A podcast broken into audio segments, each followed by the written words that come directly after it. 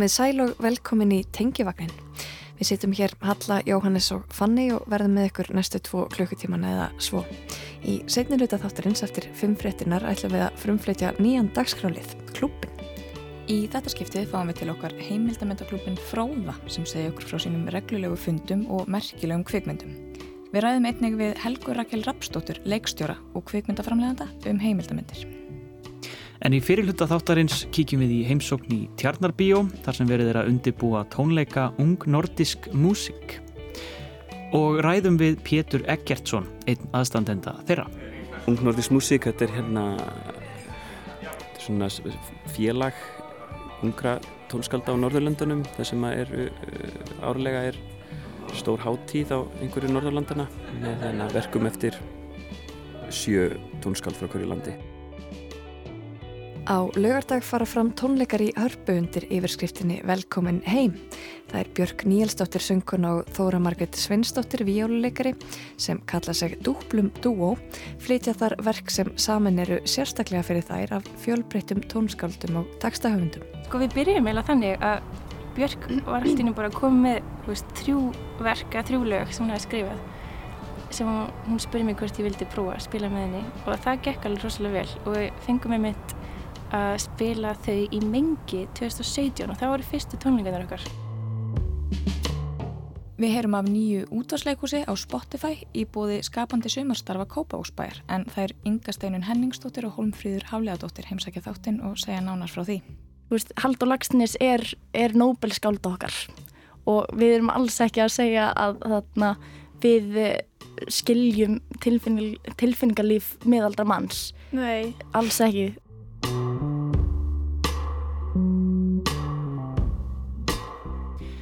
En við byrjum á bókmentum. Mariana Klara Lúþersdóttir mun á næstu vikum fjalla um bækur og í dag segir hún okkur frá Grikk eftir Domenico Starnone.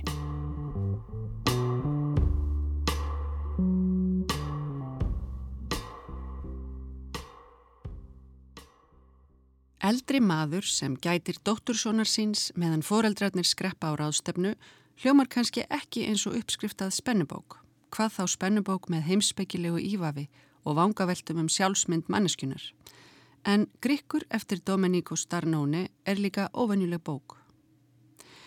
Þetta er önnur bókin eftir hinn ítalska Starnone sem kemur út á íslensku, en fyrir rúma ári kom út hjá bókaútgafunni Benedikt Skaldsagan Bönd. Starnone er margverlunadur metsölu höfundur í sínu heimalandi og hefur sérstaklega getið sér gott orð fyrir skaldsugur sem gerast á bernsku slóðum hans sjálfs í Napoliborg á söður Ítalið. Það var hins vegar ekki fyrir en bandaríski réttöfundurinn Jumba Lahiri þýtti tvær áðurnemdar bækur hans yfir á enska tungu sem alþjóðleg fræð barði að dyrum. Lahiri hefur bæði í viðtölum og í formála enskrar útgáfu skaldsagnana rætt mikið um höfundarverk Starnóni og sérstaklega orðfæri hans og stílbröð. Í umfjöldun sinni um Grykk talar hún um vandkvæði þess að stefna saman ólíkum talanda, annars vegar Napoli-máliskunni og hins vegar öllu hóstiltari talanda Norður Ítalið. Þennan mun á orðfæri reynist ekki alltaf létta þýða yfir á enska tungu. Það má gera ráð fyrir að svipuð vandamál hafi blasa við höllu kjartansdóttur sem þýtti Grykk eins og raunar bönd áður. Sennilega hjálpar þó að aðalpersona sögunar í þessu tilviki er sjálf mjög meðvitið um tungumálið og gerir það ítrekkað að umræðu efni. Án þess að hafa samanburðin við frummálið virðist þó sem höllu hafi tekist afskaplega vel upp í þýðingunni sem er í senn blæbreyðarík og lifandi. Í Grykk segir frá hálf áttræðum myndskreiti að nafni Daniele Malarico sem ólst upp í verkamannafjölskyldu í Napoli en varð öllum að óverum listamaður og saði skilið við fortíð sína og fátaktina. Hann lifir nú borgarlegu lífi í Mílanó, er enn að teikna, orðin ekki maður, en enga dóttir hann spýr með eiginmanni og ungum sinni í gamla fjölskylduhúsinu í Napoli. Þangað er Malaríko kallaður, þvert gegn eigin vilja, til þess að passa dóttursónin meðan dóttirinn og eiginmaður hennar fara á mikilvæga ráðstefnu. Sjálfur er Malaríko að stíga upp úr erfiðum veikindum og þarf auk þess að skila af sér myndum fyrir bók og því lítið spentur fyrir því að takast þetta ferðalag á hendur. Þegar í húsi kemur virðist hjónaband dóttur hans á vonar völ. Dóttursónurinn Mario er fjögur ára og eftir atvikum hlýðin og þegar hurðin fellir á stöfum og foreldrarnir eru farnir fyllast bæði Malaríko og lesandin óhug yfir öllu því sem gæti farið úrskeiðis meðan gamalmennið og barnið eiga að sjá um sig sjálfur. Raunar má segja að óhugnaður og draugar fortíðar vomi yfir frásögninni allri. Bæði er Malaríko að reyna að myndskreita draugasögu eftir Henry James en einnig ásækja hann draugar frá uppvækstinum í þessu sama húsi. Óhugnanlegar sínir byrtast honum í hverju horni og evasemdir um að honum hafi í raun nokkuð tíman tekist að losa sig úr þeirri gildru fátæktar og ábeldis sem hann ólst upp í verða sífælt hávarari. Sambandið millir barnabarns og afa er viðkvæmt, valda baráttan stöðug. Malaríko reynir að vinna og Mario trublar hann í sífællu. Malaríko reynir að vinna og ekkert heyrist til Mario. Hvað er drengurinn að gera? Þeir rýfast og stríða hvora öðrum. Mario gerir afa sínum grikk og lesandin veit ekki hvort hann á að hafa meiri áhyggjur af drengnum eða gamlamanninum. Enda eru þeir bundnir órjúvanlegum böndum. Ef illa fer fyrir öðrum, fer sömu leiðis illa fyrir hinnum. Hæfileiki drengsins til þess að stuða afa sinn og draga úr honum kjark og mátt er í senn hlægilegur og skjálfilegur og meistaralegt hvernig starfnóni tekst að gera litla drengin að hættulegri veru áður hann kipir lesandanum aftur niður á jörðina og minnir á að þetta er aðeins fjögur ára gamalt barn. En þetta stílbrað rýmar mjög vel við frásögnina alla. Ekkert er alveg eins og það sínist og lesandin á oft erfitt með að treysta frásögn Malaríko af mörgum ástæðum Hann er gamall og hrumur, hann er fullur af bæði fordómum og sleggjutómum fyrir umhverfinu og blindaður af sínsinni á gömlu heimaborgina, Napoli. Personur byrtast sem viðkunalegar eða djöfulegar eftir því hvernig Malaríko er sjálfur stemtur. Þannig velkist lesandin í sífældum vafa um hvort umhverfið sé fjandsamlegt eða ekki. Dóttir hans og tengdasonur, nágrannarnir á neðri hæðinni, konan sem kemur og þrýfur, Mario Littli og síðast en ekki síst Malaríko sjálfur. Hverjum má treysta? Malaríko sér drauga og djöbla í hverju horni og svo mynd sem dreyin er upp af Napoli er heitlandi og óþægileg í senn. Ofbeldi, vanmáttur og hiti, allt þetta flúði hann meðvitað og vonaðist til þess að þurfa aldrei að mæta því aftur. En nú þegar hann er aftur stattur á æsku heimilinu, læðast evasemdirnar að honum. Er mögulegt að hann hafi svikið rætur sínar, afneitað ákveðnum þáttum í eðli sínu og hafi því aldrei verið heill maður? Ákvaðan að verða listamaður fremur en hann hefði raunverulega eitthvað að segja eða gefa sem slíkur. Ofbeldið byrtist í æskublikum og í tungumálunu en ekki síst kemur það fram í myndmáli hans sjálfs. Minningarnar rata inn í teikningar fyrir bók Henry James og draumar Malaríko verða draugar James. Hver við erum sem börn og hvernig við mótumst á lífsleiðinni eru meðal þeirra spurningar sem Starnóni veltir hér upp, áður hann skilur lesandan eftir með óþægilegar evasemdir um þær ákvarðanir sem við höfum óhjákvæmilega tekið á lífsleiðinni. Það er magnað hversu auðveldlega fer að hrykta í stóðum sjálfsmyndar og sjálfsöryggis um leið og kortni evasemda hefur verið sáð.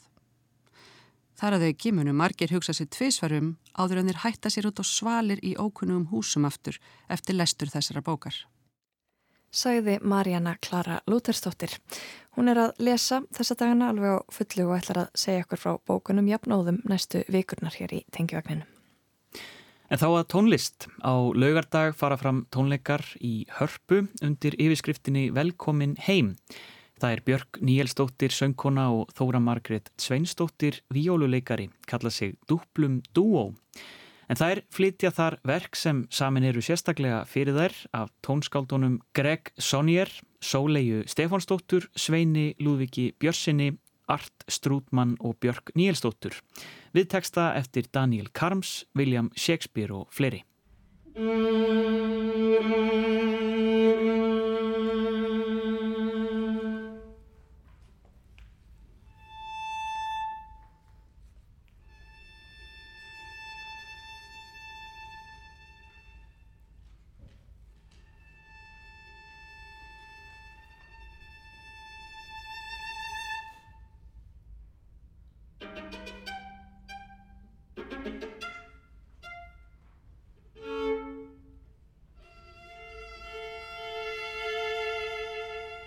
Ég heiti Björk Nílsdóttir, sönguna.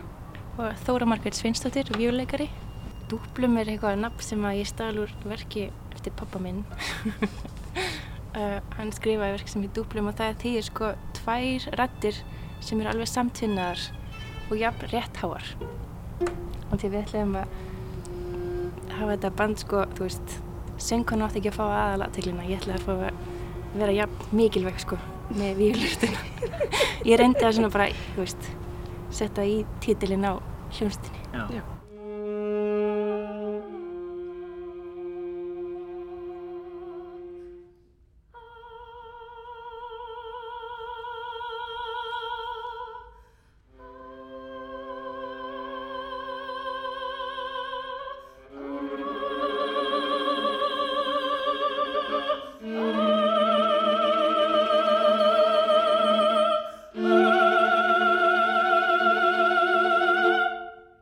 Þið eru að fara að halda tónleika í hörpu núna á laugadaginn og þetta er hluti af tónleikaserju sem heitir Velkomin heim. Hver er að koma heim? Við erum eiginlega meira svona í heimsókn Já. og já, bara svona fyrir út fólk sem er, já, búið að vera úti kannski smá stund og búið með námi sitt og bara sína hvað við erum að, að bralla.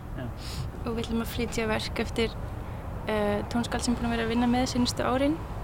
Og það er verk eftir Sólei Stefánsdóttur sem er hérna, tónskáld og, og sönguna sem hún skrifaði fyrir okkur fyrir Myrka músíkdagi fyrra. Og svo verður líka verk eftir Sveinlúk Björnsson sem er pappi minn. Við fengum plötuðum hann til að skrifa líka fyrir okkur verk.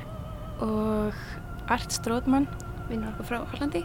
og svo fekk ég nefnilega bara í seinustu viku fekk ég sendingu frá vinnum minnum frá Los Angeles þetta er Greg Sonier var trommar í, í svona rockljónsett sem heitir Dýrhúf.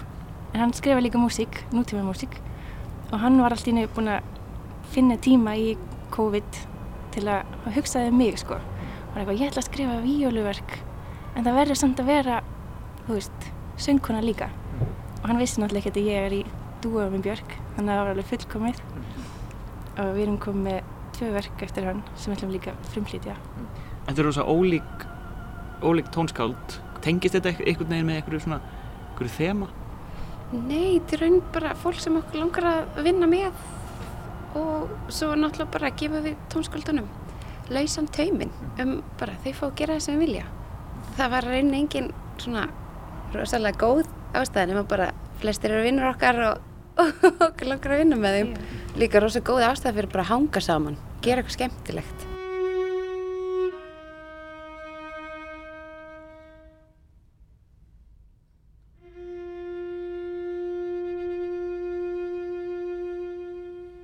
Segð mér aðeins frá ykkur. Þið eru, þið eru að koma heim í heimsó. Hvaðan eru þið að koma og hvað eru þið búin að vera? Já, uh, ég er búin að búa í Amsterdam bara sístu í rúman áratug held ég bara. Og er búin að vera að vinna í ýmsu þar og já, þannig að núna bara eitthvað er líka samt búin að koma mjög mikið heima að syngja sko. Mm. þannig að ég alls konar hljómsveitum og óperum og, og svona. En og svo var bara ótrúlega gaman að, að það opnaðist þessi gluggi að, að syngja hörpu í sumar. Og gaman að Þóra skildi geta spila Laus En, en þú Þóra? Já, ég er líka búin að búa út í Hollandi í næstu tíu ár og lærði þar og svo bara festist maður einhvern veginn og til maður byrja að spila með hinum og þessum. Og bara svona frílans, ég spila mikið nútíma músík og líka búin að vera svolítið í, þú veist, dans og eða svona dansverkefnum. En þú veist, maður kemur líka alltaf tilbaka til Íslands, þú veist og sömurinn og svona. Vil fá að vera með syngja í gamla vínu og segja, hei, vantar ykkur ekki víuleikara en já eða, eða fá kannski að lesa af í sinfó eða eitthvað slis, alltaf gaman. Og hvernig smellið þið saman sem, sem duett?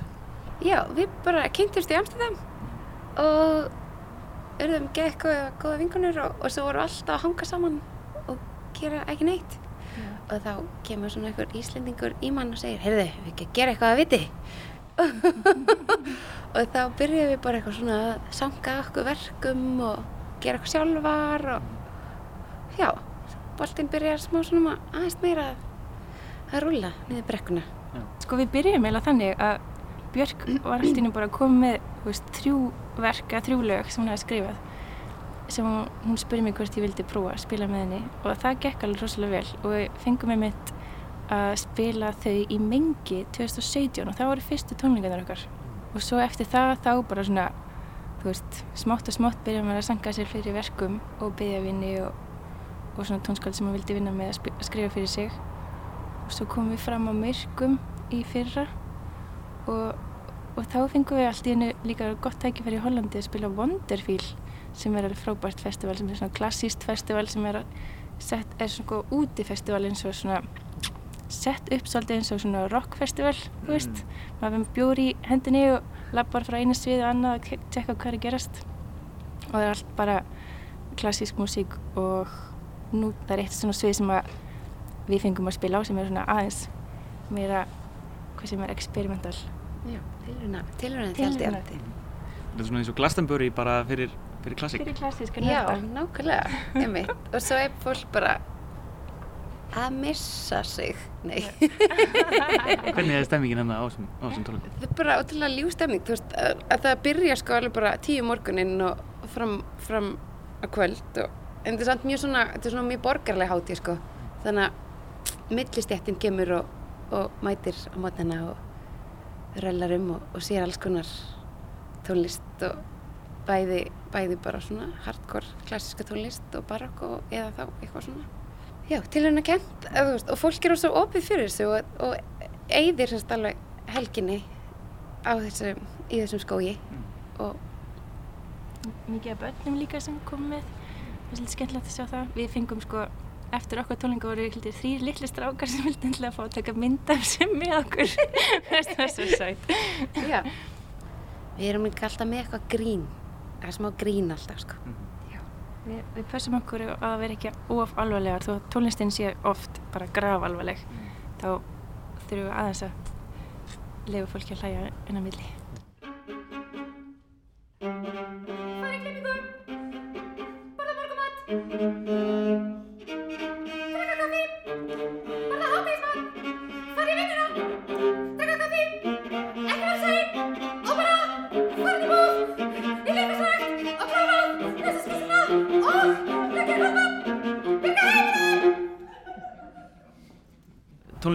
sungin og textarnir eru eftir mjög mörg skáld og mjög ólík skáld. Getið þið aðeins sagt frá þeim og hvernig þau voru valin? Já, uh, við erum með eitt verk eftir Daniel Karms. Uh, það fjallar um rauðharran mann sem, ég, sem er hvorki með hendur nýja fætur og er aðalega sam, sko, sami heldur til heiðust Þóru. Ég held að þetta hafi verið eitthvað sko, vinnur minn er Art Stróðmann, hann samdi þetta verk fyrir mig, eða okkur náttúrulega, og ég held að þetta hafi verið eitthvað svona grín, þú veist, sko, hérna, Gingers have no soul, hefur þið séð það á internetinu. Já. Ég held að hann hafi verið sko eitthvað að spinna, eitthvað grín, ég veit ekki hvort ég bjóð til í höstum á mér eða ekki, en ég, sko, þegar ég byrja, ég spila verkið og svo les ég alltaf textan með þegar hún er að syngja til þess, þú veist, og ég var að spila og ég bara ok, he has no face, he has no soul. Og ég er bara, oh, hann er að gera grín á mér. En ég er auðvitað sko. Já. Mm, og Shakespeare, pappi valdi Shakespeare, það var bara eitthvað svona hugt þetta að því hann hugsaði til þessa verks þegar hann var já, pappi minn er, er mikill áhuga veist, hann hefur þessar, sonnötur eftir Shakespeare eru hann er mjög hugleiknar. Vissi ég ekkert sko, maður kynnist líka pappa sinum að hann hátt hann byrja að semja fyrir mann. Um, og hann hérna valdi þessa fyrir okkur. 39, sonnötur nummer 39 og það er bara út í að hann er hann, hann sagði mér að hann langar alltaf að semja við hann hann hafði bara ekki tekið fyrir til þess. Þetta var fullkomið tekið fyrir Já. oftast leifum við líka tónskóldunum sko að velja sér skáld sjálf. Erum ekkert að hafa mikil áhrif á það. Textasmiðin eru jafn fjölbreyttir og, og tónskáldin.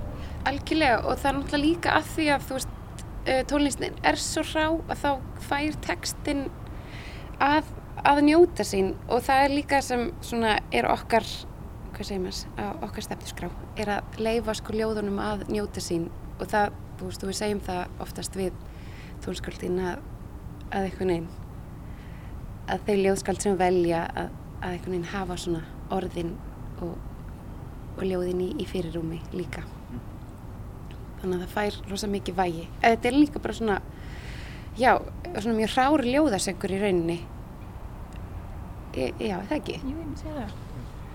Svona, maður er alltaf að reyna að finna einhverja nýja leið til að nota þessi svona, hvað heitir það, söngljóða hefð á öðruvísi hátt, sko.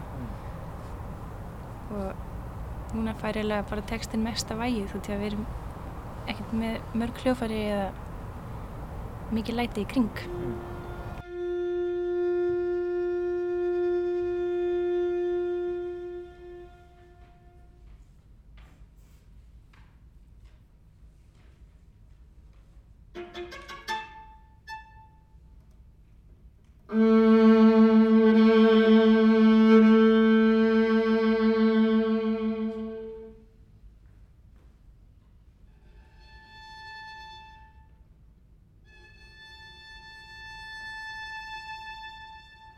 Þið ætlaði að sína og leifa Íslendingum að heyra á lögadaginn. Segð mér aðeins frá þessum tónleikum.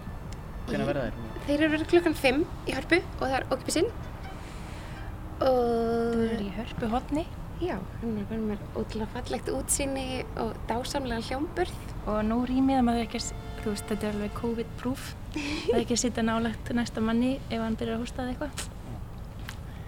Já, og við ætlum bara svona að vera með þverskur af þeim verkum sem við höfum verið að flytja og, og, þessa, og er, sérst, við erum með frumflutning á Íslandi á Art Strótmann og síðan heimsflutning frumflutning á Gregsoníer. Gregsonier við ljóð Amy King og hérna, já, þetta, já við erum bara svona að reyna að búa til okkar eigið form Já. af Músík músík verður líka ótrúlega skemmtilegt. Já. Það er, er markmiðið sko. Þetta verður ekki þungir tónlingar, það má hlæja á okkar tónlingum. Við erum geðið peppaðar fyrir Já, þessu ég er mjög, ég er mjög spennt fyrir þessu. Ef við erum líka svona loksins að að flytja næstu allt sem við erum með og fyrst skipti í Íslandi og, og svona, já, fá að prófa okkur áfram með okkar eigið verkefni og, og form. Já. Og svo kemur plata. Svo kemur plata sko með haustinu þannig og það, þetta er eiginlega öll verkin sem að verða á þeirri plötu. Já. Við fylgjast bara spennt með því en fólk má þá búast við fjölbreyttir tónlist og fjölbreyttum textum og í blandu kannski smá uppistand. Kanns, já, Er ég að setja pressa þig? ég held samt sko, ég hlæg örgulega mest. Ég, sko, en, já, ég, það er örgulega ég sem fyrir að flissa mest af því sem ég segi. Sko, fyrst, fyrst þegar við fluttum allt raumilegt, þá þorði fólk ekki að hlæja. Nefna svona í lokin þá, þá bara að halda svo lengi inn í sér hlátrinum. Að þá sprakk það hlátri. En kannski núna, þú veist, það er alveg rými fyrir grín og þú veist, það þarf ekkert að vera svona dannaður, þú veist, það má alveg hósta eða það ert að hósta, eða ræskja þig. Þú trublar okkur ekki. Gangi ykkur bara vel á lögadaginn Þóra og Björk eða dúplum dúó og gangi ykkur vel í framtíðinni. Takk einlega fyrir. Takk fyrir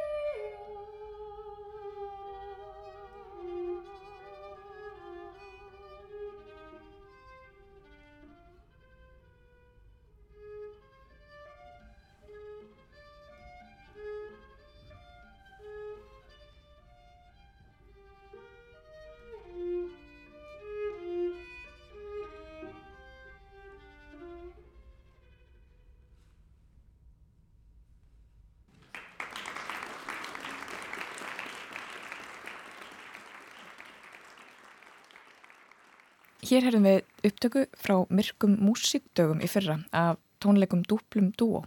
Jóhannes rætti við þær Þóri Margreði Sveinsdóttur og Björk Níelsdóttur en þær eru með tónleika í hörpu á lögadag.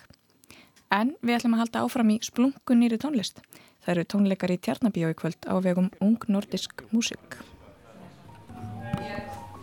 Pítur Eggertsson, æfingin er ekki alveg hafinn. Ekki alveg, það verður að finna út um einhverjum tæknimáli mína. Það verður að synga nótuna, Það verður að syngja, já það er allar, hérna í nót, verkinu hjá Örnólfi Eldon og, uh, og Kert Kef er hérna, já það er allar nótunar á netinu og það er það allar á sama tíma, þetta er svona vídeo, vídeoskor. Fá við áhörðu líka að sjá nótunum þá eða Nei, að nei, það er vörpun? Nei, þetta er bara leynilegt. Alveg háleinilegt. En hvaða vörpun er inn á vagnum? Herðu verpunin, hún verður í verkunum hjá Áslögu Magnúsdóttir og Gulla Björns, þau eru bæði með vídeo í sínum verkum. Svo er alveg heilt verk sem eru bara vídeo sem verður rúlar hérna á skjánum frá hálf 5-7 eftir Hildi Elísu Jónsdóttir. Pétur Eggertsson, við setjum hérna í Tjarnabíó og tónleikar, uh, þessar tónleikar eru í kvöld. Viltu segja ykkur hvað tónleikar þetta eru? Herðu, þetta eru tónleikar á vegum Ung Nordísk Músík uh, og tónleikan er, er undir yfirskriftinni Ögnun. Ung Nordísk Músík, þetta er hérna þetta er svona félag ungra tónskálda á Norðurlöndunum þar sem er uh, árlega er stór hátíð á einhverju Norðurlandana með hérna, verkum eftir eftir hérna, sjö tónskáld frá hverju landi valinn í hvert skipti. En, en við hérna á Íslandi höfum ákveðið að gera gott betur og, og bæta við einum tónleikum á hverju ári líka sem eru bara með þeim íslensku tónskáldum sem að fara út fyrir okkur hönd Hátíðin í ár verður í Tampere núna í ágúst og verður náttúrulega haldinn með, með breyttu sniði en samt ætlum við að senda út okkar tónskáld það verður ekki öll tónskáld á svæðinu en hérna en það er verður Þetta verður nokkuð örugt að fara til Tampere allavega. já, já, já, það allavega eins og staðnir í dag Erum við að tefja málinn kannski? Nei, ég nei, hérna gespar flautuleikarinn, held að sé hann það alltaf leið.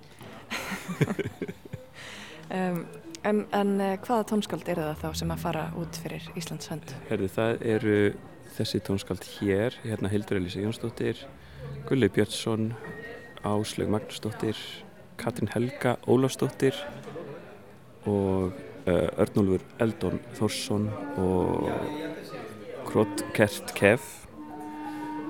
Um, svo fyrir ég sjálfur líka, verði ekki með verkið mitt hér í kvöld en það verður, já, segi það betur síðan, uh, og hérna svo verður líka hann Björn Jónsson. Um, en en um, tónskáldin fara út, hvað með hljóðfærarleikarana? Er, er, er hljómsveit tónleikana úti og svo önnur hljómsveit hér? Hvernig virkar þetta þegar þetta er svona tónskálda miðað? Akkurat, já. Já. Þetta var, var þetta komst í syng? Já. Eigum við að færa okkur Já, fram kannski? Þá heyrum við svona hérna reynsliði í bakgrunni.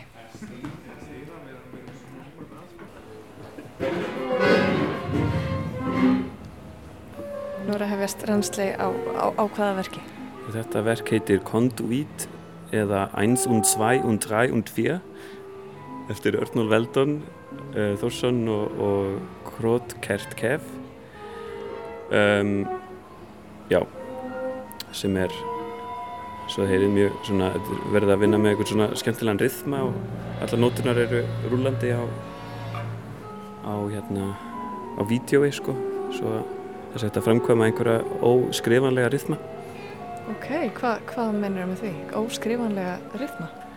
Já, eitthvað sem að já, kannski er þeir er allavega mjög erfið að skrifa og þeir eru það floknir að, að maður getur ekkert verið að púsla þessu í hausnum á sér á meðan maður að lesa nótuna sko, Þannig að rytmin kemur fram bara í vídjóinu? í vídjóinu sko, já. Já, en spennandi.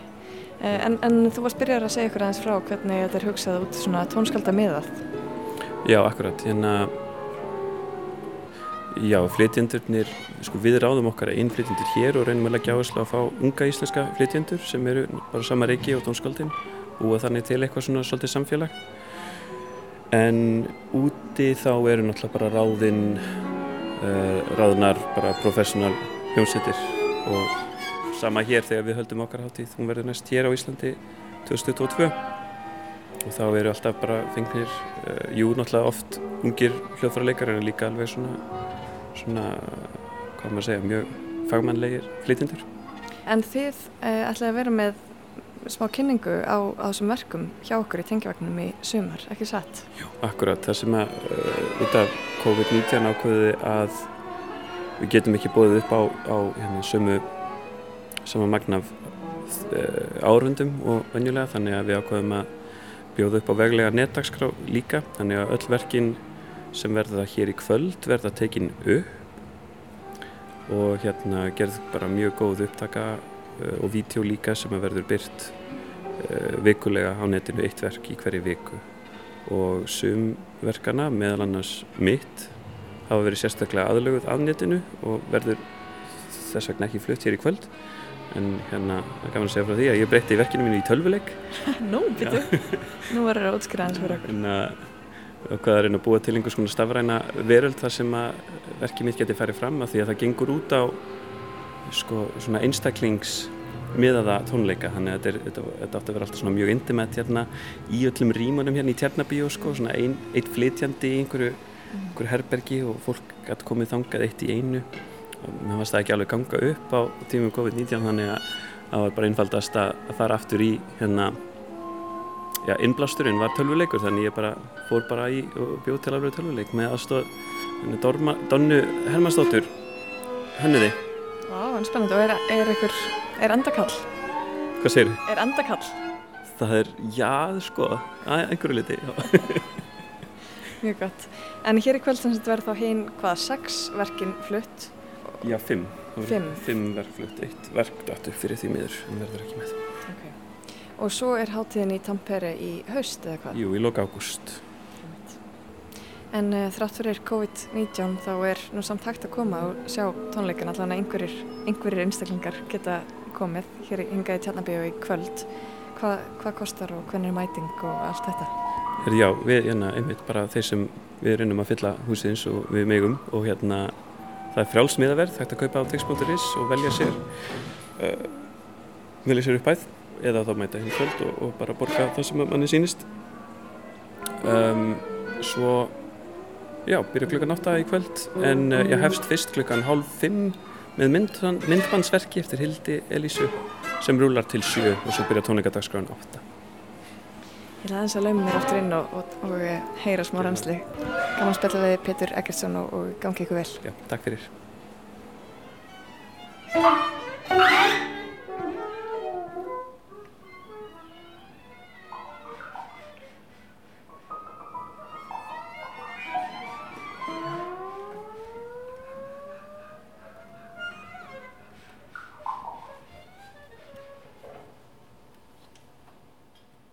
Tónleikar Ung Nordisk Musik fara sem sagt fram í Tjarnarbíói í kvöld klukkan 8 og það er frjálst miðaverð.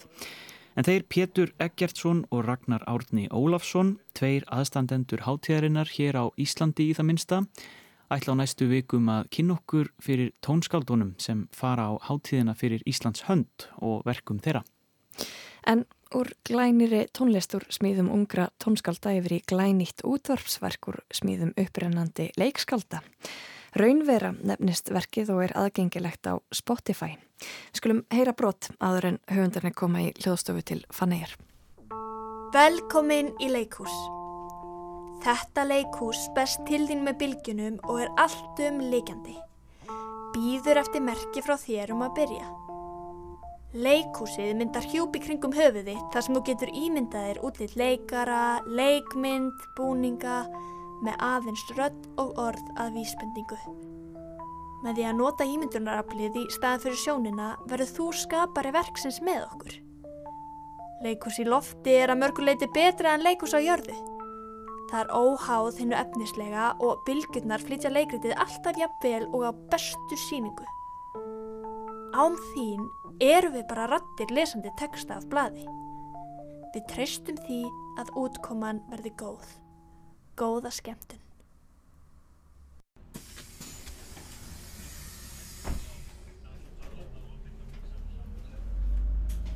Ég er vinkuna. Ég er tónlistarunandi. Ég er kona. Ég er mamma. Ég er pappi. Ég er amma, ég er afi. Ég er konan í sjónvarpinu. Ég er maðurinn í bókinni sem sagði afsakið hann gætur nokkuð aðstofa mig. Ég er litli ljóti andarókin. Ég er byggingaverkfræðingur. Um leið og ég vakna opna ég fréttamiðla annara tímabelta og gái af hverju ég misti um nóttina. Klæði mig og fer fram til þess að kveikja á kaffikonurni sem malar bönirnar æbandi á meðan ég sæki blöðin fram í endiri. Um leið og ég vakna reyni ég að sopna aftur. Fyrst skanna ég yfir blöðin og skoða hvort verið sé að fjalla um sömu málinn. Ég er Hugrún eða Guðrún eða Bjarkheður Una Markusardóttir. Ég sípa á kaffinu og meðan ég fer með gulum yfirstyrkuna penna yfir allt það sem verðist ólíkt með fréttunum. Eftir að hafa skoðað sömu frétt frá þremur ólíkum sjónarhornum, skoða ég heimildir allra og les til um þær. Og ef fréttin er erlend, þá passa ég að lesa hann á upprunnulegum máli til að útiloka ígjur eða leiðandi orðalag. Ég reyna að sopna aftur því það er gott og ég geri það sem að mér finnst gott. Til hvers að vera til ef þú ætlar ekki að borða besta matinn, drekka bestu vínin og fara í flottustu fríin, giftast heitustu, klárustu og auðmjúkustu konunni og eignast sætustu börnin?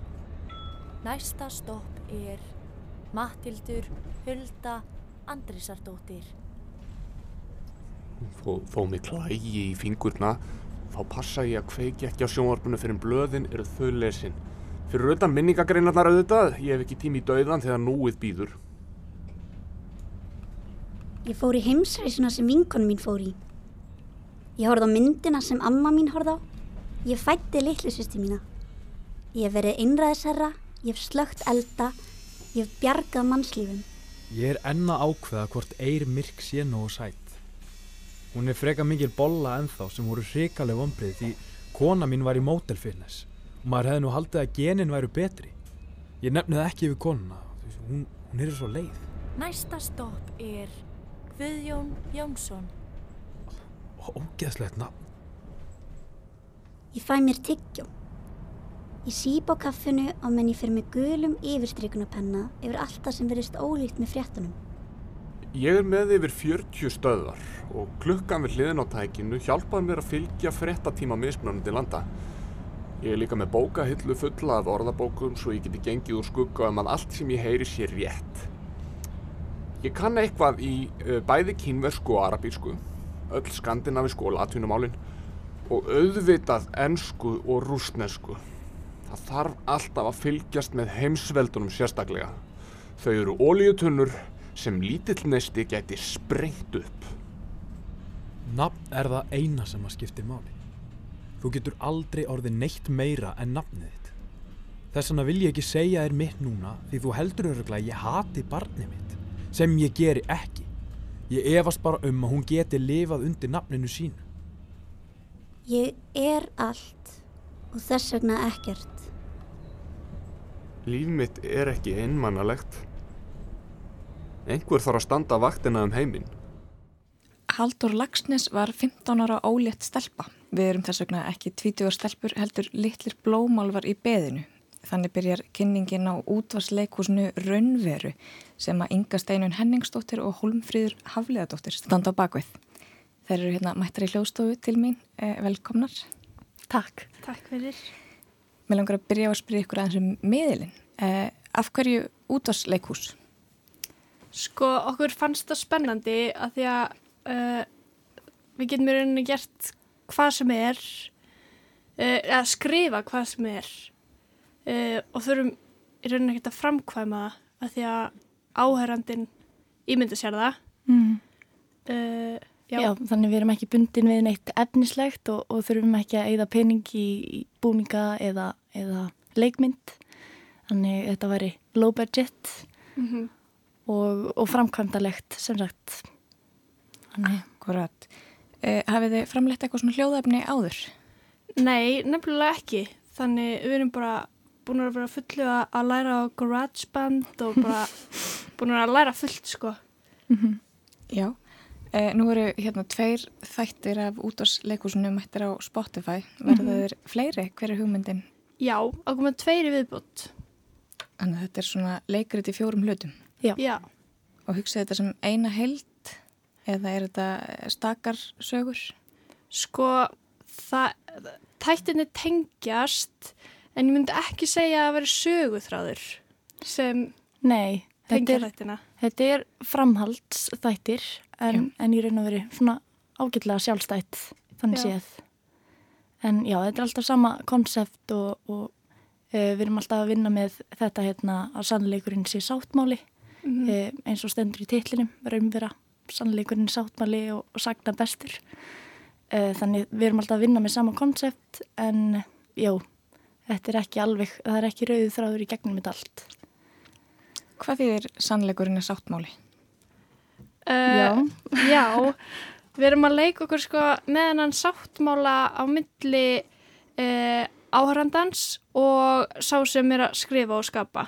Mm. Um, og við komumst eiginlega að því með því að ræða það að það er svo fallegt að gráta í leikhúsi um, það var svona það sem við vildum vinna út frá og Mhm. af hverju græti maður í leikhúsi það er af því að maður trúir mm Maður samþykir.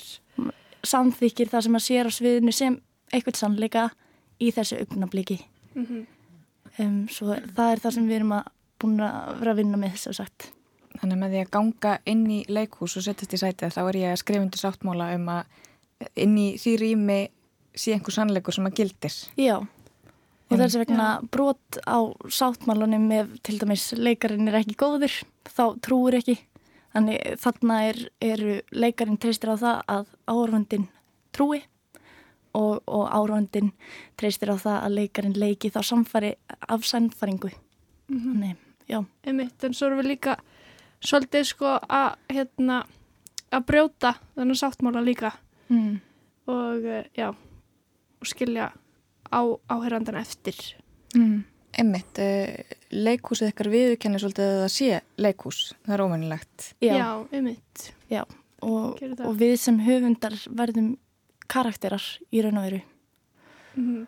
og, og já, þannig við erum svona e, já, við bendum á þetta er, þetta er bara þetta er engin sannleikur þetta er bara sáttmáli hér og nú og, og þetta er skáldskapur þannig við, við kennum það í, í sem sagt, sköpuninni Mhm.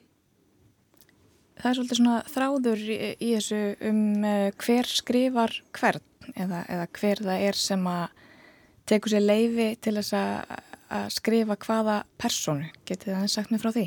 Já, við erum búin að vera að velta því einmitt svolítið fyrir okkur í sumar um, sérstaklega þú veist með hennan sannleika uh, já, eitthvað svona hvaða uh, personur getur við þá búið til Mhm. sem eru eitthvað svona helsteftar og góðar og sannar Já, og, og við erum náttúrulega bara mitt 20 og 21 og Mhm. Höfum upplifað takmarkaða hluti en erum samt skapandi og, og þá er þetta svona við kennum við það alveg. Við vitum lítið en við viljum læra og við viljum skilja og maður skilur í gegnum sköpun. Um, svo við erum bara ég veit ekki, þetta er eitthvað svona þessi evi Hva, hvað vitum við í raun og veru og hverja reynum við að leggja orð í munns einhverja personu sem er í raun og veru ekki til. Mhm. En er samt talsmaður eitthvað sem er til um, já, þannig þetta er svona vangaveltur okkar í gegnum sumarið Já, Þið segið að Haldur Lagsnes hafi verið 15 ára ólétt stelpa og á sama tíma eru þið þá uh, miðaldra karlmenn mm -hmm.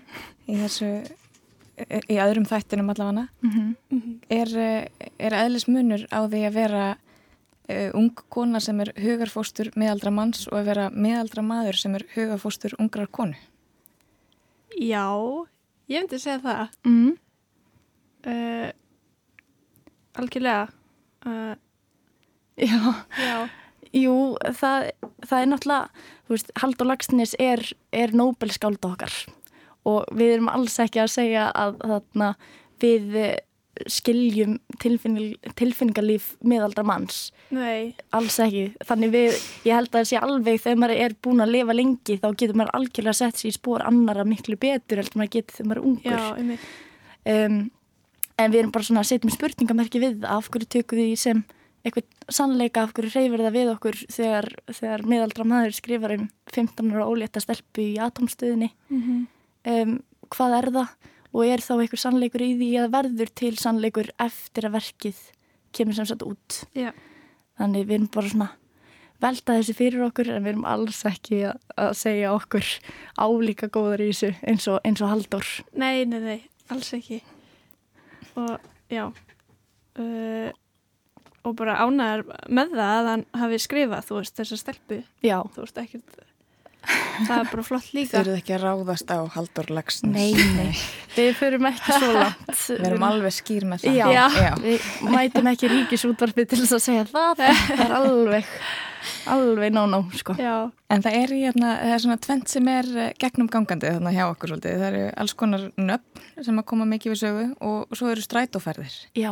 Hva, hvað er það við þessa tvo fleti lífsins og tilverunar sem að heilar ykkur? Ymmit, við vorum sko líka að tala um, þú veist, að raunveruleikin, það er líka, þú veist, allir eru sammála um hvað raunveruleikin er. Já, raunveruleikin er í raun og veru sáttmáli líka. Já. Um, já, og, og þarna, já, í, í uh, að því að strætón er bara svo frábært, frábært leiksvið Já. upp á það að kynna margar ólíkar personur í einu. Það eru margir, margar ólíkar manneskjur sem taka strætó Já. og eiga sér allar mismunandi sögur og mismunandi tilveru Mhm. og já, það er svona heitla okkur. Já, og svo vorum við sko með þemað, e, þema í fyrsta þættinum e, sem hérna var bara svolítið eitthvað svona hvað það er að vera og hvað það er að vera til og þá fórum við svona smá í pælingar með bara eitthvað svona sjálfið eitthvað svolítið þess vegna voru e, strætóstoppin nöfn og síðan í öðrum þætti þá vildum við byrja alveg eins til þess að brjóta það síðan upp Mm. þannig að við vorum í rauninu búin að búa til eitthvað form sem við hefðum getað fyllt en gerðum það ekki Mm. í rauninni til, já, vorum að brjóta sáttmáran Já, og við brjótum sáttmálar þá á þann versta háta því að hugmyndarnir yfirgefa sem sagt verkið í, í því miðju. Mhm. Þannig við, við þarna tvítuðu stelpunar gefumst upp og færum okkur, eða verðum bara hvað er við eiginlega, förum aftur í þetta hérna, hvað er við að segja og, og búa til karaktera um, þegar það til bara alvöru fólk sem hefur lifað lífinu og við eigum eftir að lifa lífinu svona næstu því. Uh, þannig þá yfir, yfirgefum við verkið og leitum á nýjum höfundi. Og, og við tekur uh, fólk sem hefur lifað lífinu og skrifa aðtóðsendir um sitt líf á bland.is. Já. Já. Þetta voru allt aðtjóðasemndra bland sem sagt Já. í seitin hluta annars þáttar. Mhm. Og mikið um drauma. Já. Draumar, strætu og nöfn, svona sammannlegir fletir. Já, Já. einmitt. Og einmitt, já, þá var í fyrstu þættinum að vera og síðan í öðrum þætti uh, að dreyma. Já. Þannig það var svona þeim, þeimurnar í hverjum þætti. Og já, þannig. Þetta og síðan fyndum við líka bara bland.is bara um, um drauma, hvað fólk var að skrifa þar og svona. Sem veit okkur innblástur síðan fyrir skrifin. Einmitt. Ég, ég hlakka til að heyra næstu tvo þætti. Takk. Þakka kærlega fyrir komuna Inga Steinun og Hólfröður. Takk kærlega fyrir. Takk fyrir. Já, það hljómaði ótrúlega skemmtilega þetta verk um, raunvera. Fanny. Já, virkilega skemmtilegt og áhugavert svona absúrt leikús. Akkurat þetta sem það sögðu sko sann, sannleikurinn er sáttmáli. Þetta er náttúrulega sko áviðum leikus en líka kannski bara í mannlegum samskiptum, eða ekki? Jú, og, og það er komið nú aðeins inn á það. Raunveruleikin er líka sáttmáli. Akkurat. Upplifun er einhvern veginn sameinlegur hlutur, einhver leiti. Já, uh, að einhverju leiti. En, en svo getum við alveg komið að, að sama hlutnum og séð mismundu hluti líka. Akkurat, já, hún er líka mjög einstaklingsmyndin. Já. Já, hvað finnst þér um þessar einsbyggilegur vanga veldur? bara ég, er, ég ætla að fara inn á Spotify núna á eftir og, og, og hérna svona mynda með skoðun á þessu En ég var Mm, alltaf mjög spennt fyrir, fyrir þeim líka bara sem listamönnum. Það virkaði svo skelegar og, og, og hérna djúb þengjandi. Það er Mhm. auðvitað eftir að söðla um Íslands menningarlíf. Já, þetta hljómar alltaf mjög spennandi Það er gaman að fylgjast næðin. Um, en meðan þú varst að finna útvarsleikurs á Spotify þá var ég að, að finna tónlist og mér langar til þess að ljúka þessum fyrirluta tengjavangsins á læginu Bon Acteur með Lou and the Yakuza sem er eh, belgisk-kongorsk eh, söngkona.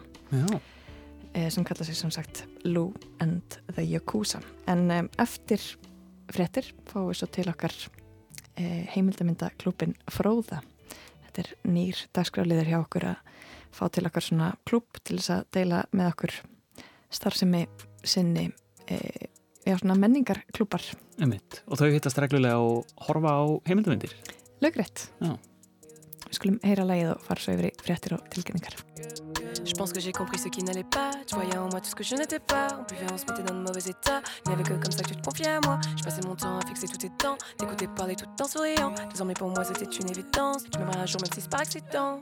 Tu es très bon acteur, mais moi je cherche ton moteur. Dis-moi que je suis à la hauteur de toi, accro à ton auteur et ta voix.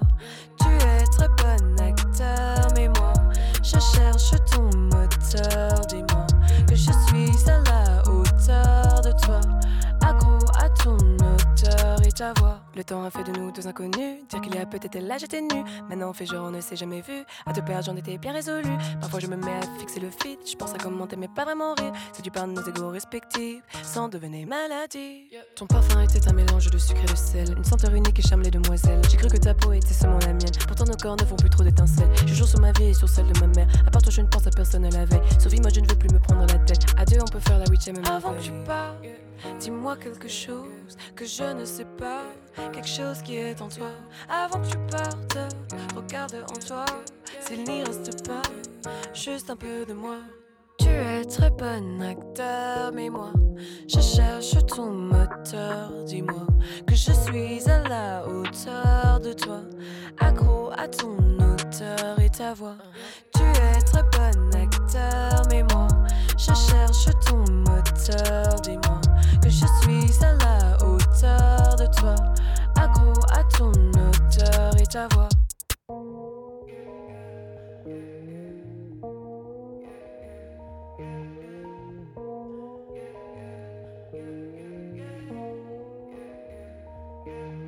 Avant que tu parles, dis-moi quelque chose que je ne sais pas, quelque chose qui est en toi. Avant que tu partes, regarde en toi, s'il n'y reste pas, juste un peu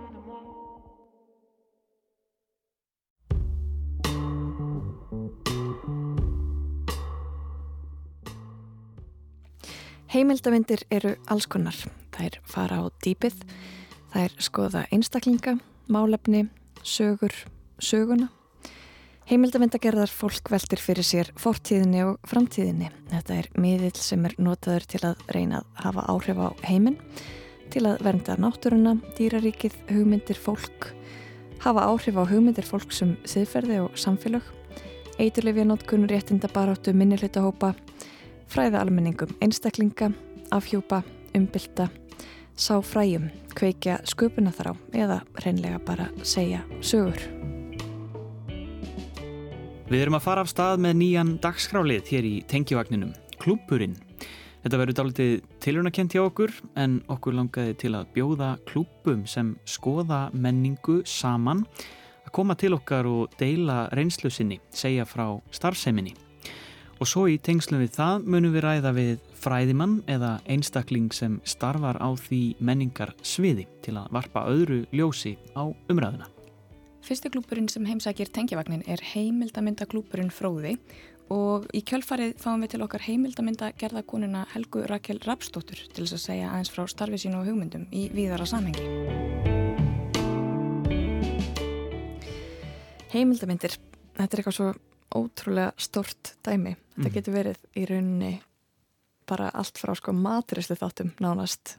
Eh, ég horfði til dæmis á mjög skemmtilega seri á Netflix fyrir ekki svo löngu síðan sem fjallar um eh, bræðtegundinar saltsúrt Já. sætt mann ekki meir Þetta er ekki Já, kúrt. getur verið, stert kannski Já. Já, hafið séð þetta? Nei, ég, ég sá auglýsingar fyrir þetta. Ok, það, það næði þér.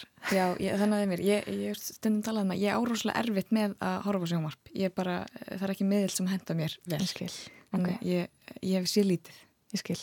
Já, Einmitt, það er samt áhverð að skulle segja þetta því að margir einmitt tala um heimildamindir sem svona, ok, ég geti sótt með fróðuleik á þægilegan hátt, þetta er bara svona smígurinn. Jó, Mhm. horfið þú á?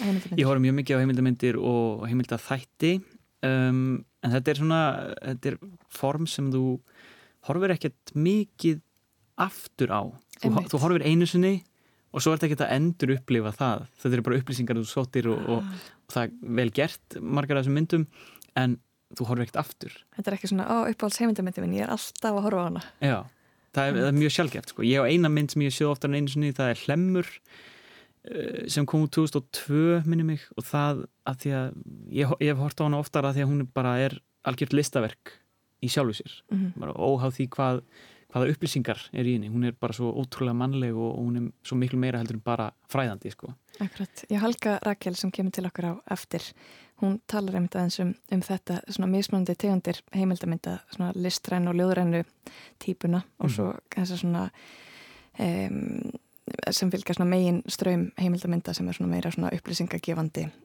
já, svona rannsóknar já, það er kannski bæði rannsóknir á, á sinn Já. hátt en hvað, hvað er það samt við heimildamindir sem að svona grípa, grípum hann þetta er, þetta er eitthvað svona það eru allir spenntir fyrir Mhm. eh, heimildamindum á einhverju level, ég get næstu bara fullir þetta hér í Já.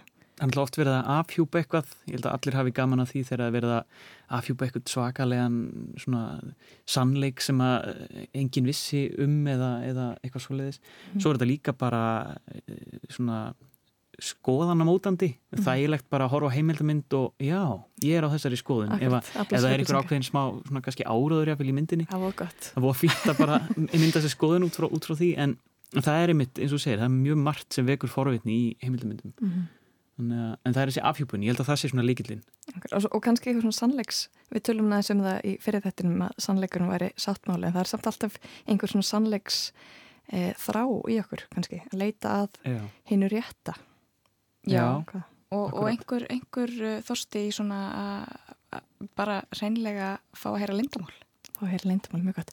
Sko, það er, ég ætla að spila fyrir ykkur smá brot af lægi sem var í miklu uppaldi hjá mér og bekkerseskinu mínum þegar ég var í grunnskóla.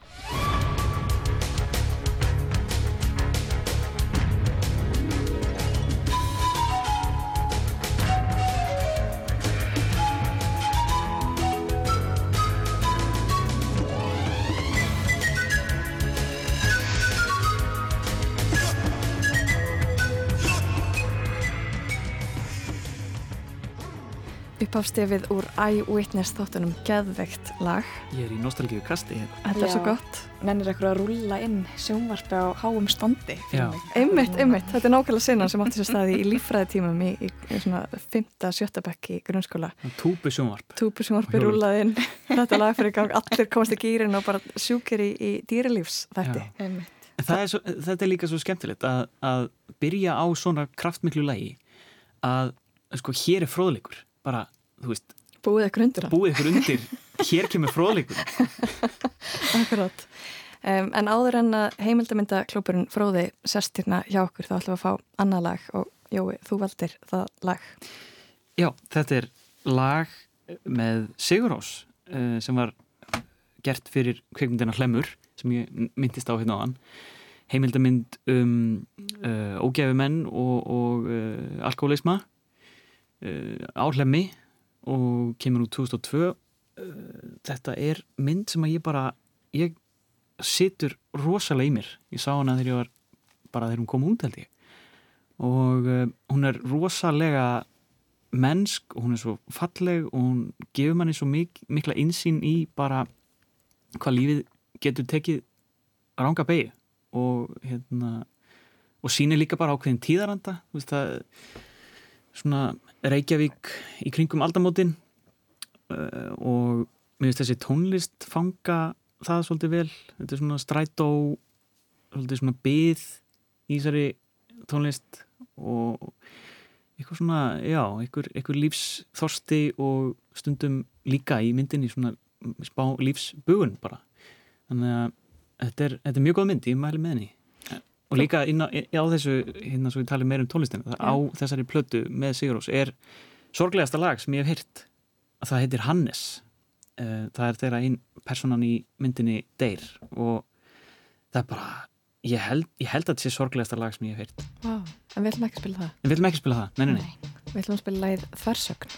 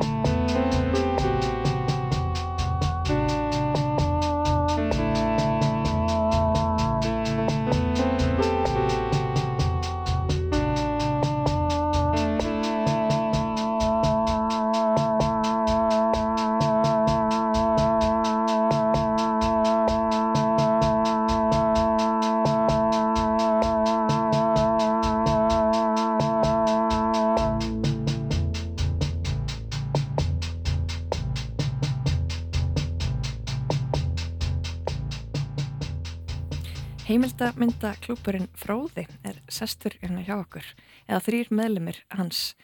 Það eru þau Hafdís Egilstóttir, Lára Björk Hördal og Ragnar Tryggvason og við erum hérna við Fanni. Velkomin til okkar. Takk. Takk fyrir. Takk, takk. Hvað eru þið mörg í heldina? Við erum held ég 15 í heldina, misvirk samt. Já, þetta er svona, svona 10 til 15. Svona smá fljótandi eh, fjöldi. Komast ekkert alltaf allir á alltaf og þannig að það er svona, svona 8 til 12 er oftast svona fjöldi sem mætir í hver skipti. Og hvað eru þið að hittast oft?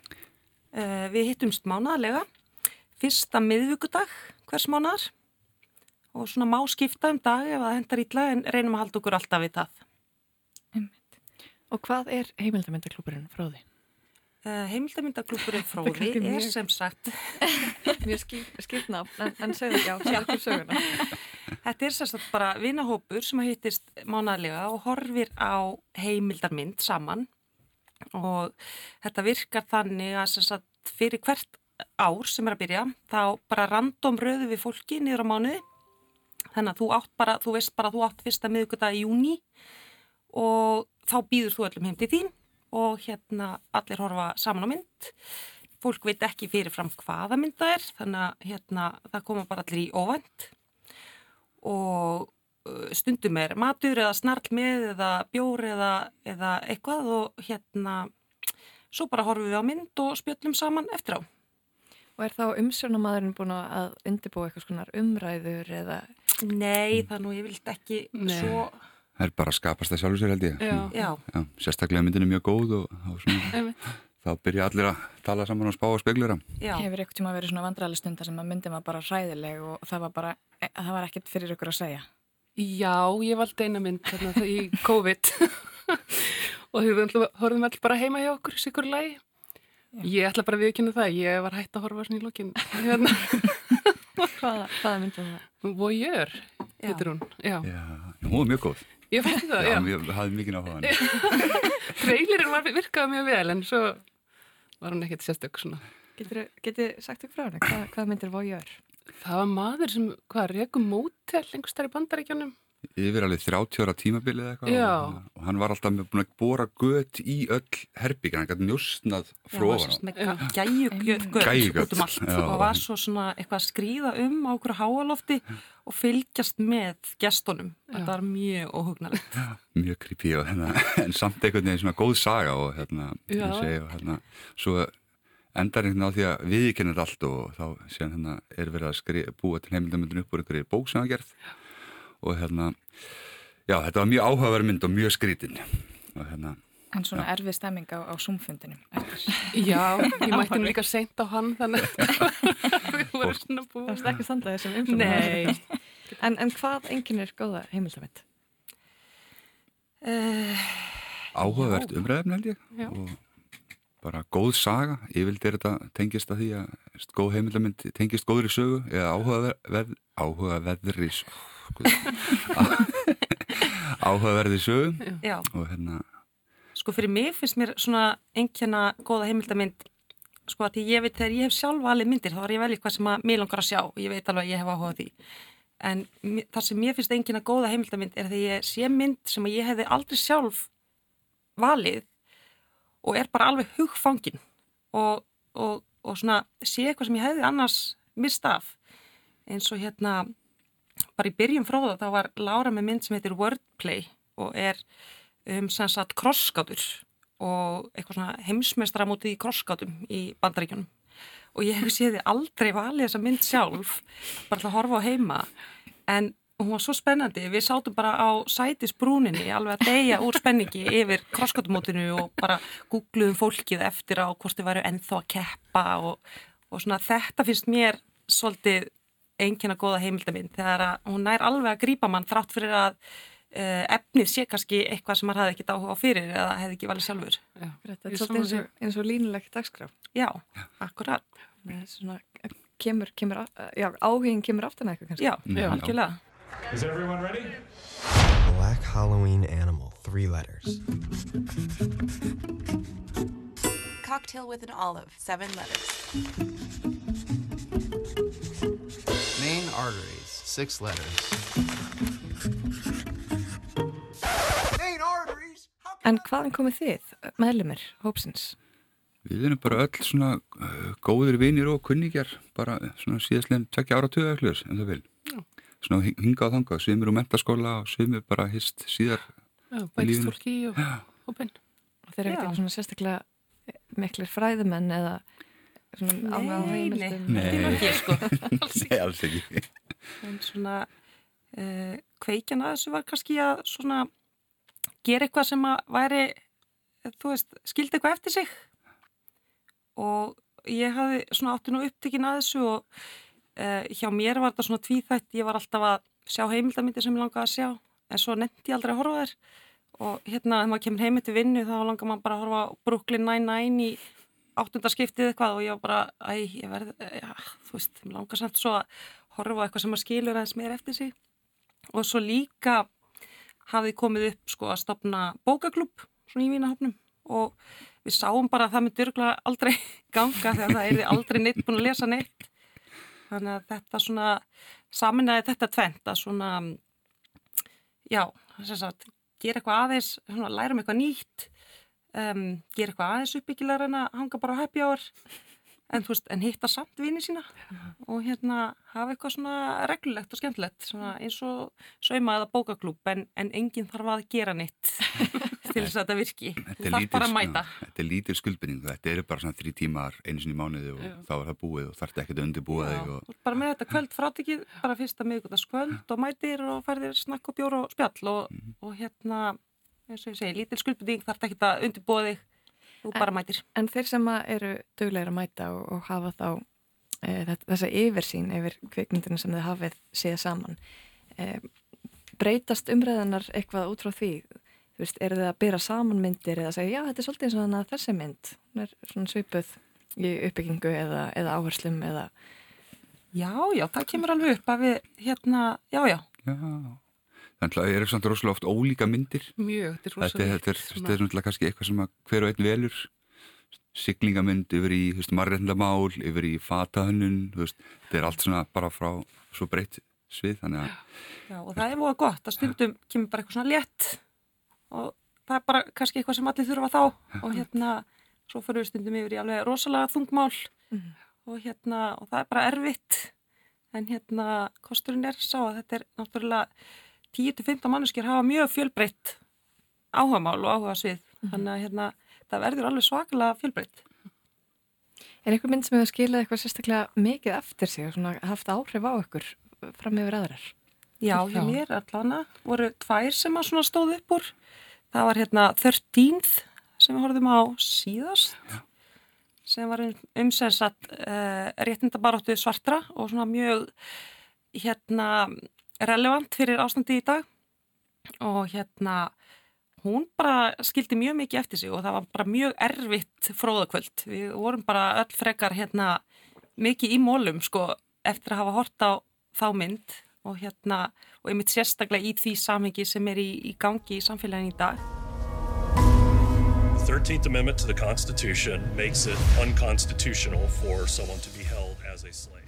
Þess má geta fyrir áhuga sama að kvikmyndin 13 er opinn öllum á streymisveitunni YouTube en stjórnendur Netflix sáu ástæðu til að deila henni ókipis með heiminum í ljósi aðstæðina. Og svo horfum við á hérna The True Cost líka á þessu orði reyndar sem er um hérna uh, fataframleyslu og hvernig Vesturlandabúar eru bara hérna eða ekki allt með þessari hérna gengdarlausu nýslu og hún hefur eh, settið svolítið í mig líka, verði að veikina. Haft áhrif á kannski þenn lífstíl? Algjörlega, já, bara alveg hygglust. Já, ég er samanlega í 13, það var örgulega svona áhrifastamöndin sem ég sá. Og svo var hann sem svona kannski ekki svona átakanlega og skemmtilega, það var hann að Berkeley Marathon hérna, sem er um eitt styrlaðasta marathon sem er haldið árlega í Tennessee í bandaríkjunum. Það var alveg ótrúlegt. Já, hún var svakar.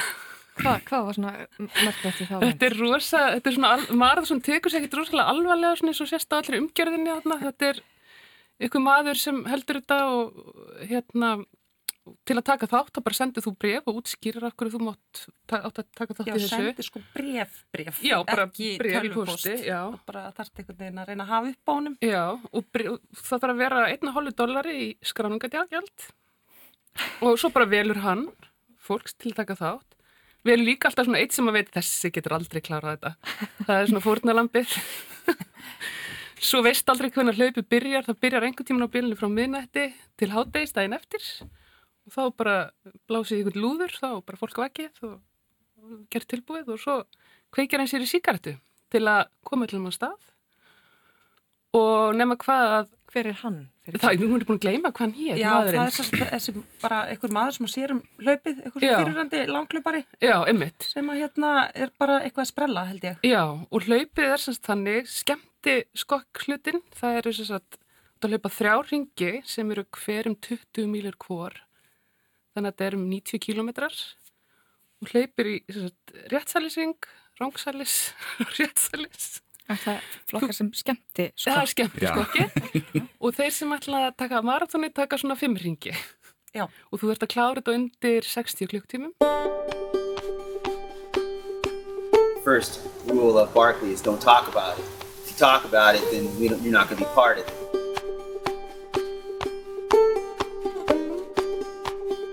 And for some people, just to get back to camp alive is all they want in the world. Og þú færði enga leið. Þú bara færði fær að kíkja á kortar og leggur á stað. Svona merk inn á eitthvað hjá þér. Og svo leipir bara stað. Þú vonir að hittir í mark. Já, það er svona leiðapóstar einhverjir. Já, leiðapóstar eru þannig að þú veist, fyrsta ringnum þá færði leipanúmer og svo er held ég sjö stöðvar þar sem er svona einhver bók hangir og þú ætti að rífa blæðsíðuna sem samsvarar númurinn þínu í leipinu svo fyrir næsta ring þá farið nýtt númer. Já, svona sannar að þú sést ekki svindla. og það var mjög skemmtilegt. Hljómar svo maður með svona smá guðakomplex Já, Já. einmitt. Þetta er einmitt dæmi mynd sem ég hefði öruglega aldrei Nei. valið sjálf. Einmitt. En var bara alveg útrúlega skemmtileg. Mm. Já, þetta er svona mynd sem er einmitt, eitthvað sem er skemmtilega afþreying og, og svona opnar um, gátt inn í eitthvað mjög enginulegt sem er að gangi í heiminum. Og meðan 13 það er kannski svona meiri svona vitundavakning Já, algjörlega. Og trúkost líka sko. Já, akkurat. En Ragnar, þú, hva, hvað segir þú? Ert þú með eitthvað svona Ég er líklegast Deepwater, ég hef alltaf áhuga á siglingum og hérna Deepwater er semast heimildamindum Donald Crowhurst sem að semast þegar að fyrsta keppni var haldin að fara eittslis liðs hringin í kringum jörðina þá ákvað hann svona sem bara svona venjulegu bretti með litla smengar einsli að sigla, að smíða sér sin eigin bátu og fara og það endaði, eða byrjaði bara líkt droslega vel hjá greiðmannum og hérna hann endar á því að einhverjum bátur hans byrja að leka til fjóra daga og hann er konur þetta mitt haf og lendir í miklu vesenni og hérna semst siglir upp að ströndum Brasíli og býður þar og býður hann með hann í nokkra mánuð með allir hinu keppinir sko sigla hringin og hann er bara svona að senda falsk skilabóð og, og ætla sem bara að koma svona eftir þeim í lokin. Ah. og hérna og það, og hérna bara svona eftir farið yfir hvernig svona ferli, hvernig hérna, hann ákvaði að gera þetta og akkur hann ákvaði að gera þetta og, og svo er bara þetta náttúrulega sannsöli saga, eða sönnsaga og er mjög svona, hvernig hann endar og allt það er bara mjög áhrifaríkt og það sem ég hef mikið áhuga sílingum, það var bara átt að velja mig. Ok, en kannski ekki mikla syklingar samt í myndinni Jú, eða svona, jú, eða svona kannski í þessu tilinu var náttúrulega enga syklingar því að það var útáttalli Já, það var útáttalli og hérna, en ég segi, sagan var bara mjög góð og hérna við konunans og börninans og hvernig þetta hafi áhrif á þau og setja allt í þúnd en líka skemmtilegt því að hérna, þetta er mjög fræg siglingarsaga og líka mjög fræg keppni sem hérna, er heldur einhver einst ári þannig að hérna, sem ég fylgist mjög þannig að maður svona gaman að sjá upp af það henni Var þetta mynd sem að veitti þér innblástur þá sem svona ja, innspýtingunni þitt áhuga mál? Já, já, alveg svona, þetta er eitthvað sem ég myndi aldrei gera þetta er, þetta er, þú ert alveg þrjá til átta mánu að þessu, ekki með neinum og í brjáluðu veðri við Suðurskjöldslandið og ekki sem ég... Það bara byggði þig? Það er svona gift og ragnar. Þannig að þetta er ekki eitthvað sem ég myndi gera en þetta er bara áhugavert að sjá fólk sem að fer út fyrir sín þægindarama og gerir svona erfiða og þunga hluti. Það er alltaf gaman að fylgjast með því hvort sem það sé klifur eða hlaup eða siglingar eða það er svona vekur átt áhuga minn. Já, þetta var svona, svona and sko að því að yfirlegt enda svoleiði sögur sko með sigri að personar en ekki alltaf. Ná, kannski ekki spóila myndin en, en þegar þið komið á svona kvöld og það er einhver búin að velja mynd lýsið, lýsið hans fyrir okkur Kom, hvernig, hvernig fer þetta fram? Þið setjast öll og, og svo setjið bara hljóð undir myndinni og, og, og fara svo fram umræður eða hvað sko því að ég hef oft upplefað í svona kvikmynda hittingum að, að þetta fólk verið að spjalla og sumir missa aðtekli, eru þau öll bara með fókus? Já, já, já. Já, sko stjórnandin verður náttúrulega að vera svolítið harður, sko. Það er nú alveg svona að tala smá, svona ef það gerist eitthvað skrítið eða eitthvað. Það er á að byrja klukkan átta, en svona þetta er frá, fólk er að mæta kortir í til kortir 20 minnir yfir, þannig að fólk fær alveg skoðan tíma til að spjalla undan og, en síðan þegar myndi byrjar þá bara... Það er bara að sussa á fólk. Svo kannski tekjum pása, svona í, já, já, kannski pisspása eða eitthvað. og líka eins og þegar við vorum að horfa 13 þá lág okkur svo mikið á hjarta. Við þurftum svo mikið að, sko, að því að þetta var svo mikið tengt því sem að var að gerast í, í þjóðfélaginu að við þurftum að stoppa öruglega feimsinum og bara aðeins spjalla sko mm. og hérna þannig að það var svona óvinni laung síning að því vorum, hérna, þurftum svo mikið að tala um myndina mm. en svona annars myndum við kannski bara spjalla á undan og horfa svo myndina kannski taka eina pásu eða eitthvað svo leiðis og, og spjalla svo bara á ettir Þegar það kemur að því að velja myndir, eru þið, eru þið með eitthvað svona krítaríu, hugsið að ég sumar, ég ætla að taka eitthvað að leta núna eða hvernig hugsið þið ykkar svona myndaval þegar þið eru stjórnendur? Ég byrja nú persónulega alltaf bara því að svona googla veist, best rated documentaries, síðan svona vinn ég mig út var þeirri lista. er náttúrulega, en síðan alltaf það er alveg hellinga heimildamöndi sem fá frábæra dóma og þú er náttúrulega velju úr þeim, þannig að það er bara allt innu, síðan sérðu bara eitthvað sem bara er því já þetta verði ég að sjá. Þetta er eins og völdum, ég valdi hérna líka Out for Blood in Silicon Valley sem er heimildum myndum hérna Elizabeth Holmes sem hérna hún basically var að svindla bara á fólki með eitthvað svona nýsköpun og mjög áhugaverðsaga bara alveg ótrúlega og ég bara sá þetta og ég opnaði að heyra aðeins um hann alveg sem einhvern veginn smá þetta og ég sagði bara þetta verði ég að sjá. Og þá bara valdi ég hana, hann var svo sem ekkert meira á bakvið það. Já Uh, ég segi hérna þið sendið mér lista yfir þar myndir sem að þið hafið hort á bara frá upphafi. Og hérna er einn sem heitir A Secret Love. Hvað, það er bara þar, ekki síðast aldrei þar síðast mynd sem þið horfið á, hvað myndir það? Frábær mynd. Já, ég mista þeirri mynd. Já, það var svona, við vorum nefnilega með svona COVID-fróða líka, þá horfðum við allir bara heima hjá sér og svo hittust við á svona netfundi á eftir og spjöldum þetta var sérsagt önnur af þeim. Og hún var um hérna uh, já tvær... Kanadískar? Já, tvær kanadískar lesbjur sem að hérna hefðu búið saman bara frá því að voru ungar, bara kringum tvítugt eða kringum tvítugt minni mig ég held ég að það er samrætt í meiri 50 ár sko. og hérna voru alltaf svona kynntu sér bara sem sambílinga en voru par en það var einhvern veginn aldrei rætt Nei. það var bara á þeim tíma að hérna það var ekki talað um þetta og svo held ég sko svona bara síðustu árið eitthvað sko sem að það er það var eitthvað kringum 2005 sem að það er ákveðin að segja fjölskyldin sér frá því að þau væri einu par. Og einhverju vonulega eru alltaf búin að fatta það svo tala um já, það búin þær, að leggja saman tvo og tvo sko. En það voru búin að búa saman í tíu ára sko. Þeim alveg rosalega fyrir því og það var mikið stress í kringum þetta og svona, hún var að lýsa því og hann hérna, þau sérst voru næra saman í 50-60 ár og byggu í bandaríkanum, ég held í Chicago. Já. og semst voru frá Kanada og voru líka bara svona flottar konur einn þeirra spilaði semst í hérna eh, hafnabolta á stríðstímum hann er þeirra hvað svona Women's Baseball konst í hámæli og hún var í því liði og ferðast með bandaríkinu og það var svona aðeins rætt um það, lí- þau töluðum það og Já. það voru bara mjög flotta konur sem að svona, vera í leinilegu ástarsamöndi í næst í 60 ár Já. Ég heyri núna þegar þið lýsa þessu mynd að ég hef séð þessu mynd. Já, hún, er, hún er góð. Mér finnst þetta svo áhugaverð líka bara mann, mannstúdía. Svona að skoða þær, að þær eru svona mjög ólíka típur, önnur svolítið svona harðari Já. og svo var maður alveg að sjá okkur svona afbríðsemi og annari fannst flókið að vera í tengslum við fjölskyldu hinnar og svona það var svona tókstrita sem öruglega byggist upp á því að vera í svona miklu leynilegu ástarsambandi. Það er rauninni að þurfa að vernda ástina svona lengi. Er magnaðar konur. Mm. Um, ég ætla að spyrja ykkur um fleiri, fleiri myndir á þessum lista. Um, Íkarus.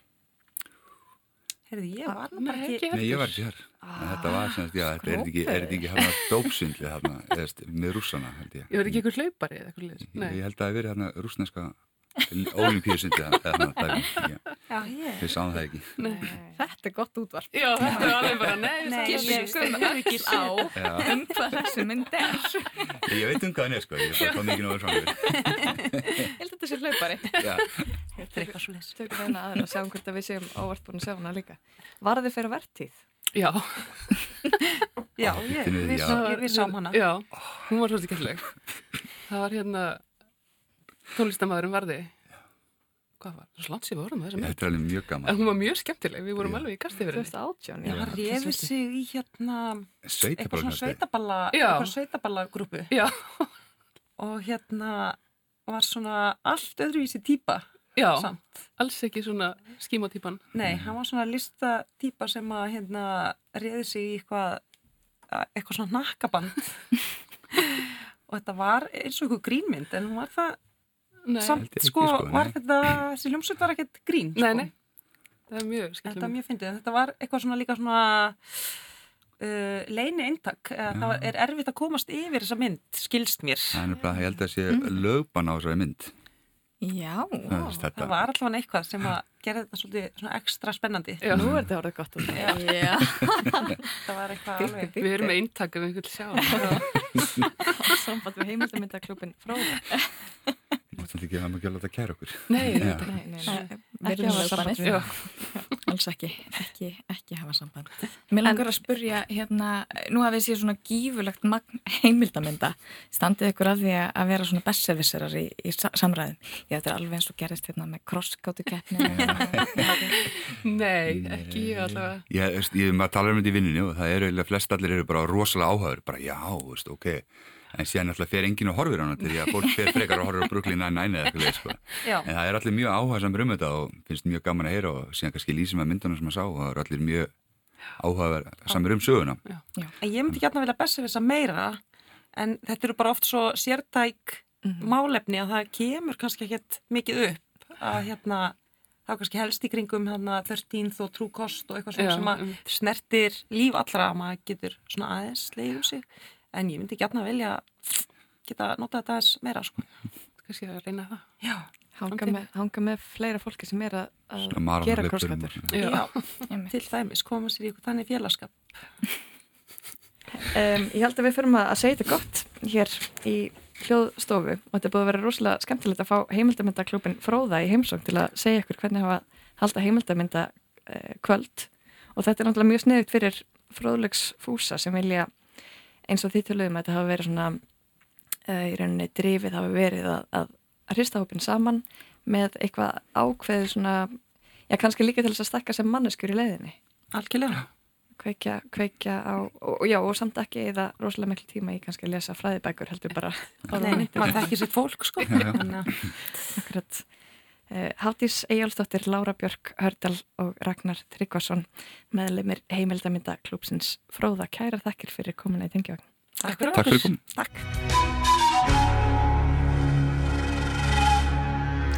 Helga Rakel Rapsdóttir, heimildamyndagerða kona er sestirna hjá okkur. Um, Helga, við vorum með gesti í þættinum hérna aðan og það var heimildamyndaklúpurinn Fróði um, sem er sem sagt vinahópur sem hittist og horfir saman á heimildamind einu svona í mánuði og með svona mismundi áherslum. Þekkir þú til eitthvað slíkra klúpa? Sko, nei, ég raun ekki, en ég veit um eitt klúp um, sem er svolítið svona mér að skapi allavega og, hérna, og það eru nokkra kvikmyndagjara konur sem að standa fyrir síningum út í hérna, sagt Klingubang og hérna Galleri og svona átkast í tveggja mannafresti einu svona í mánuði yfir veturinn, hann heitir Í myrkri og það er svona áherslan kannski á svona listrinnar heimildamindir og það er í rauninu opinklúpur mm -hmm. og hérna maður bara kaupir sér eh, eitthvað að drekka og, og hérna og svo er sittuð að spjallað eftir og stundum hafa höfundandi mætt og, og hérna og það er einhvern veginn alltaf svo gaman. Og hvernig, hvernig fer svo, eh, hvernig fer sá eh, félagskapur fram? Hvernig hver stýrir og, og hvernig er myndir valdar og, og slikt? Já, það eru náttúrulega, þetta eru þrjár uh, kveikmyndagera konur sem allar hafa gert heimildamindir og, uh, og það eru einmitt allar sko myndlistamendar uh, allavega tværið þeirra tværa þreymur líka þannig að hérna og það er svona bara, já, velja þá kannski myndir sem að þær þekkja til og þekkja og langar til þess að svona nái kannski að spreyðra áhorfi hér og hérna og, og þetta eru kannski svona myndir líka sem einhver liti næra þá myndlistina og, og, og svona kvikmyndagerð og hérna og þann díalogallan og græsrútina og svona. Þannig að það er svona markmið með þeim klúpi sem tengir þá inn í, í galleri sem að síningar rýmið er. Akkurat, akkurat. Horfið þú á heimildamindir? Ó já, ég horfi helst bara á heimildamindir og svona kannski vel mér afskaplega svona það er svona kannski já, ég hérna dætur mín að horfa mikið á Netflix. Ég er meira á svona síðum eins og Mubi og DA-films sem eru svona ódýra síður en, en, en sko svona gæða efni og hérna og svona kannski myndir sem maður kannski hefur ekki aðgang, aðgengi að annar staðar, svo auðvitað mm. um, En ef þú svona ímyndað er að sitja hana í, í svona almennum heimildamyndaklúp hvað myndi þér finnast gaman að ræða eftir á? Ef við segjum bara að við myndum setja í gang heimildamindum tvær fjörgamlar lesbýr sem að eru nýbunur á ofnbæra sambandsitt. Hva, hvað myndur þú skoða í svo, svo leismynd? Sko ég er náttúrulega að gera svolítið mikið af því að kenna. Ég kenn upp í kveikmyndaskóla, líðskólum á Flateri og í hérna mastisnámi í skammati menningamilin upp í háskóla. Þannig ég er nú svo sem vöna komin í allskólar aðstæður og hérna og, og svona tala um heimildamindir í mjög svona víðum skilningi. En hérna það sem að ég myndi nú svona kannski svona byrja ofta á er að sína svona kannski svona, svona fólki svona snirtilegar svona einfaldar stuttar heimildamindir að til svo mikið skemmtilegum svoleis myndum að því það er ofta sem að nefndi mínir eru að fara að gera. Og, og hérna og við tökum fyrir svona hlut og ég held að það geta allir uh, svona uh, tekið þátt í því að það er svona eins og sjónarhóttn og afstafa og efnistök og, og hérna og, og sko hver er tilgangur með germyndarinnar mm. og hérna og hvað skilur hún eftir sig að byrja að setja sig í rauninni í spór heimildamöndagerðar fólksins sem að fekk hugmynd að einhverju efni og, og kannski finna fræið Já, svolítið sko, það kannski og líka bara þú veist, hérna hvers vegna ákveður manneskja, að því að sko, hey, ég veit náttúrulega sjálf að heimildamöndagerð er, er það er svona smá bastl og, og svona svolítið marathón hérna.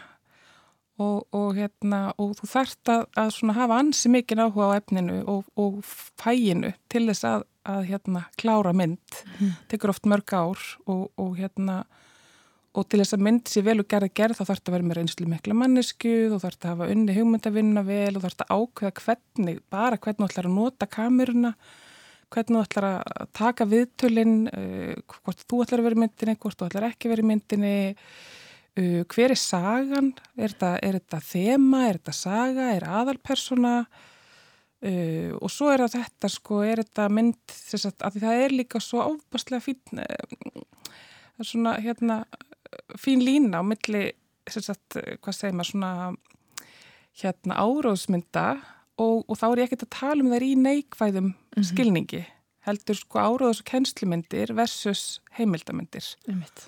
og þetta er lína sem að Jésús sem ætla ekki að skilgreina í þaula en hún er aðna eitthvað staðar og hún er kannski svolítið svona flæðandi en Mhm. hérna en, en hérna það er eitthvað svona sjáaföll í þessari línu maður er ekki alveg hérna það er ekki hægt að leggja hana niður Svo þetta við þegar þú segir við talar ekki um áróðursmyndir endilega í neikvæðum skilningi af því að það getur auðvitað verið bara að samfélagi þurfi á einhverju kennslu að halda þurfum að vika sjóndaldarhingin á einhvern hátt. Já og stundum líka kallar kannski samfélagið á ákveðna myndir eins og ég tek oft til dæmis sko draumalandið um, hérna, sem Andrisnar og fleiri gerðu um Káranugavörkinu og tilur hennar og það var mjög svona sko hún var auðvitað ekki vinstal hjá öllum en það var svona ákveðin köllun eftir henni Mhm. og hérna að því að það var svo mikið búið að ganga á í samfélaginu varðandi þessar stóru framkvæmt og svo líka hérna auðmikið Ísland.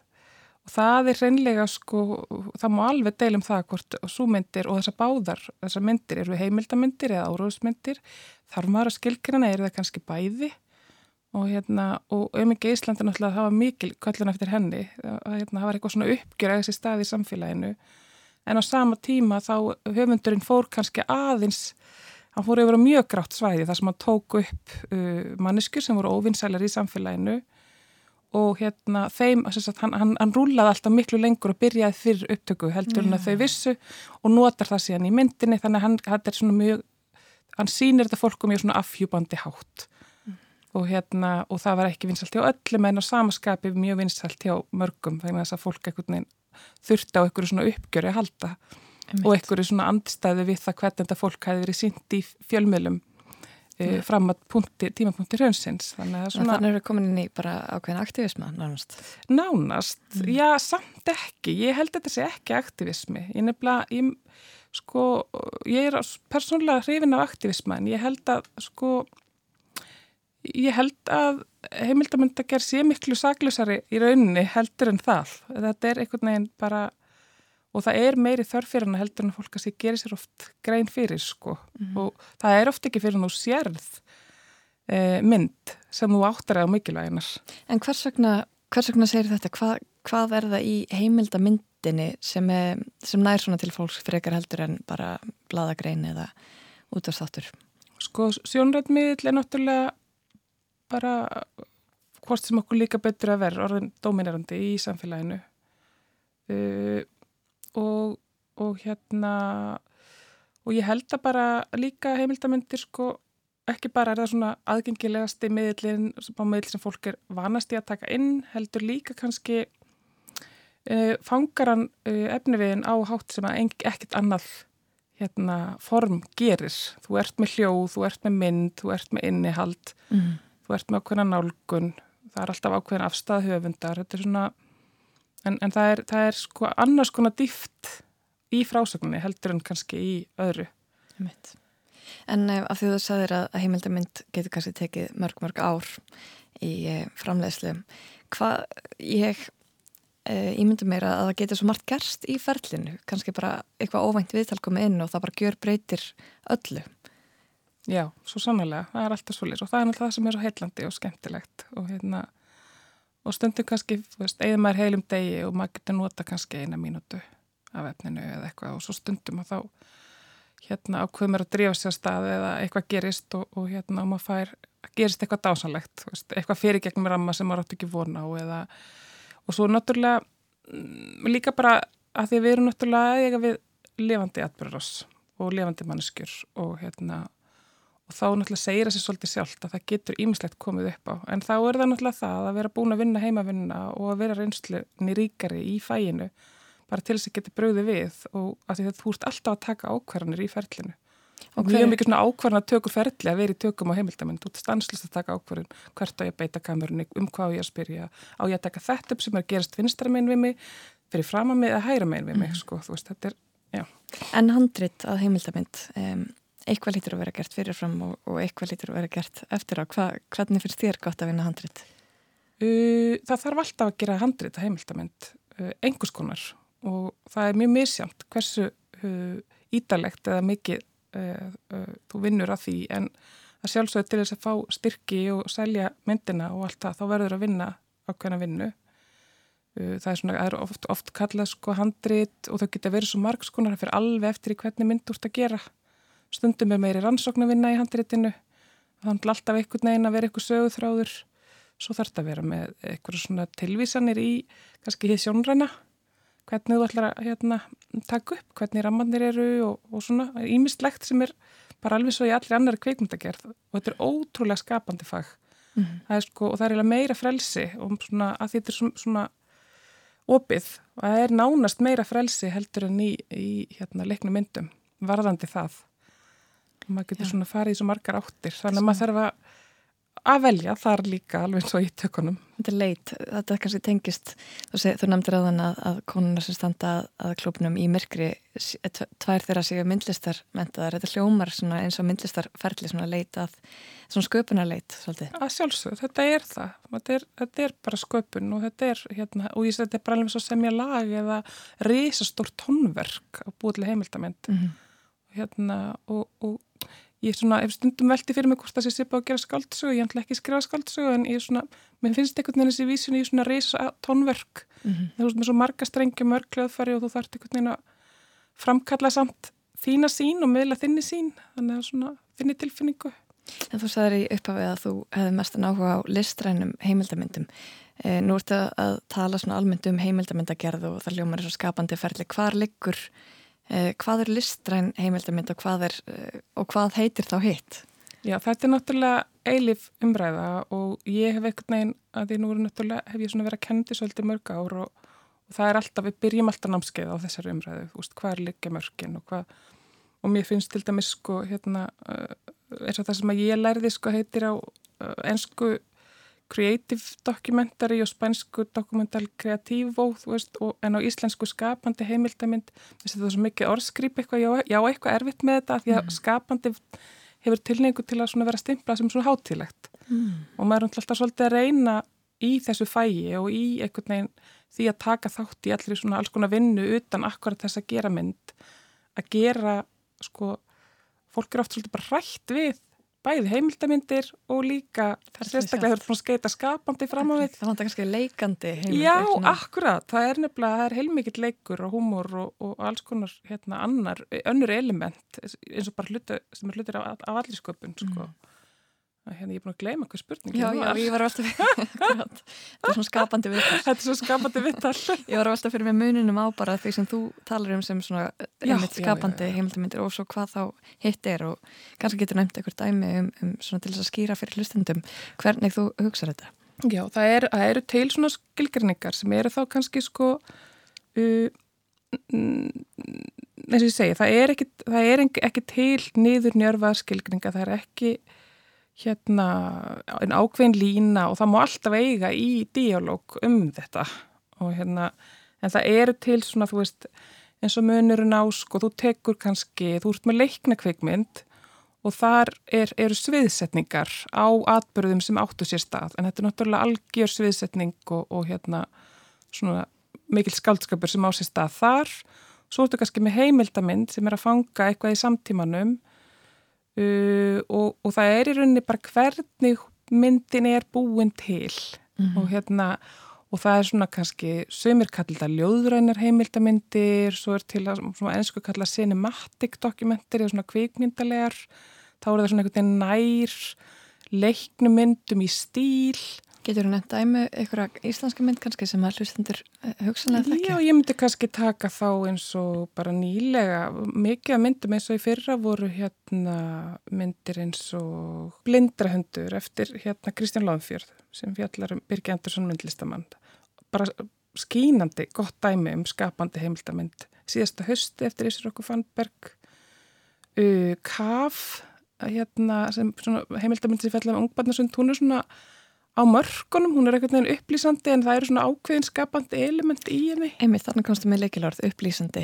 E, áttu þú við að ef þú ert með eitthvað svona ákveði fræðslu gildi í huga, þá séum svona, e, hvað er að segja, svona hefbundnari heimildamind og svo kannski myndir sem eru svona meira að leita eitthvað stemningu eða skoða eitthvað e, tilfinningar kannski, það eru meira þessar ljóðrannu eða listrannu heimildamindir. Ég myndi segja að það væri alveg ein leið til að lýsa því. Ég áttum að það erum ekki fara að komast að. Akkurat, þetta er, svo, þetta er svo fljótandi en, en það er eitthvað svona kannski ljóðræni. Ég myndi segja að ljóðræni væri kannski, ljóðrænan væri kannski það sem er svona, mm -hmm. mm, getur bú, skapað svona af, afgerandi landamæri, sko. Er ykkur heimildamind sem er í alveg sérstöku uppáldi á þér sem þú kannski getur hort á aftur og aftur? Já, það eru margar, það eru margar, sko. Blindrandur um, eldsmiðurinn eftir Freirik Þór dásanleg perla sem að þarf að fara að sína eitthvað starf, hérna annar starf en eh, geimslum kvikmyndasapsins, hún er frábær. Uh, var svona skissan að bannum náttúrunar svo eru erlendarmyndir uh, ótrúlega margar uh, Grey Gardens til dæmis eftir Meisulsbræður Um hvað fjallar hún? Hún fjallar um mæðgur sem eru einagræðar frá umheiminum og svolítið crazy, svolítið mikið crazy. Og það eru þess að hérna voru skildar Kennedy fjölskyldinu, þetta er mynd frá svona hérna, sjönda áratögnum sjötta, sjönda er ekki alveg og hérna og það er búið sérst afskektar í niðnittu húsi og lifa svona í eh, hlýðar veruleika, sínum eigin veruleika sko, með fullta köttum og húsi er í niðnistlu og, og þær eru skapandi einhvern veginn í sínu lífi. Mm. en, en samt er þetta svolítið svona erfimynd líka en líka rosalega inspirandi hún var það svona tísku íkoni þess dóttirinn á tímanbili að því hún var svo hérna skapandi í, í svona klæðabyrði var að endur nýta gömul född til að búa til alls konar uh, já, sem dæmi sko og svo, það er svona myndir sem ég leiði óvart á aðalvítjulegunni sko fyrir 20 árum og hérna og eftir það var bara einhvern veginn, var það ekki eftir snúið svolítið. Þú myndist það kveikmyndasafnið Já. Er það eitthvað sem að almenningur getur um, hefur aðgangað? Sko nú er ég ekki sérfræðingur um kveikmyndasafni Íslands en uh, ég veit að það hefur verið tekið svolítið svona ný stefna í milnagildi og, uh, og við eigum náttúrulega sko svo ofbáslega mikið af heimildum um Ísland á sko í svona hvað heitir þetta hljóðskrám og líka svona myndefni. Alls konar filmuefni, alls konar verk, sem, allar myndir sem hafa verið gerðar á Íslandi eru gemdar þar í orginal útgáfum. Og hérna og sko ég hef ekki farið á þetta samt sjálf en ég hef séð uh, efni sem hefur til dæmis verið hérna búið að gera við gamlar hérna filmumyndir eins og til dæmis bara núni vetur. Þá var sínt hérna eintak að það var búið að gera við uh, á filmu af hérna, myndin hennar Kristina Jónsdóttur hérna, á Hjara Veraldar. Algjörlega styrlið og æðislega mynd. Bara hérna já, það er til dæmis mynd sem ég myndi vilja horfa á aftur og aftur, það er ekki heimildamind mm. mann alltaf sækir fanga við það en, eða leita fanga við það, en hún er og það var svo gaman að sjá hana og það er til dæmis, hérna, ef við ættum ekki kveikmyndarsafni, þá veit ég ekki alveg hver maður ætti að finna svona gullmóla sko. Þetta er svona staður sem allan að grúskarar ætti að kynna sér. Algjörlega og, og, og bara það eitt allir að þetta er, þetta er ofbúslega mikilvæg stopnun, alveg eins og listasöfn og alveg eins og hérna skjálasöfn. Þetta er bara, þú veist, þetta eru annu tegund af skjölum og, hérna, og ofbúslega mikilvæg heimildam, sko heimildir. Heimildir það, og eflust margar heimildamind að gera menn sem sækja efni þangað. Já, það er svolítið þannig. Ég nefnilega hef ekki gert það ennþá en það kemur vonandi að. Kemur að því. Eh, en svona lokum, þú ert með mynd á Skjaldborg í ár. Já, einmitt, ég er, hérna, er að taka með pásu, ég hef verið í skipula í sístu sjö ár og nú ætla ég er í fríi sótti bara um eins og allra aðrir og er búin að fá svar og myndi mér komst inn sem er opastlega gaman og hlaka mjög mikið til að skemmtilegast í heimi af fremsinu Skjaldborg. Hva, hvað heitir myndin? Hún heitir Góði hýrðirinn og fjallar um uh, bílakirkjugarð fjallar um hlutina sem við hendum og fólki sem að nýtir á fjallar um stað sem að sumir sjá sem ruslahaug en aðri sjá sem hérna. Ævintýra veröld og gullnámi og nú verður bara hver að taka afstöðu sjálfur, það er að góða við heimildamindir. Þú tekur ekki afst- afstöðu sem Nei, í þessari mynd? ég geri það ekki. Mér Spennandi. langar ekki, þetta er, mér finnst þess ekki þurfa, þetta er það, það eru það skipta skoðanir nú þegar.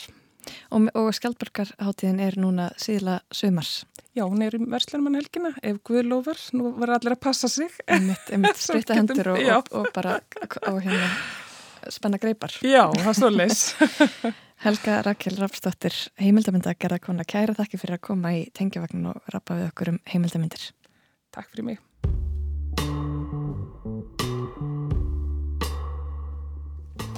En þannig líkur tengjavagninum í dag. Þetta var frumurinn okkar í, í klúpa menningu í tengjavagninum.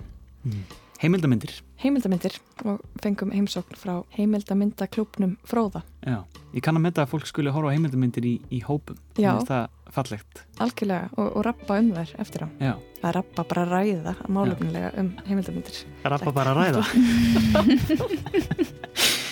Akkurat, á þessum, á þessum hressunótum endur við tengjavagnin í dag. Takk fyrir að hlusta, heyrumst eftir helgi.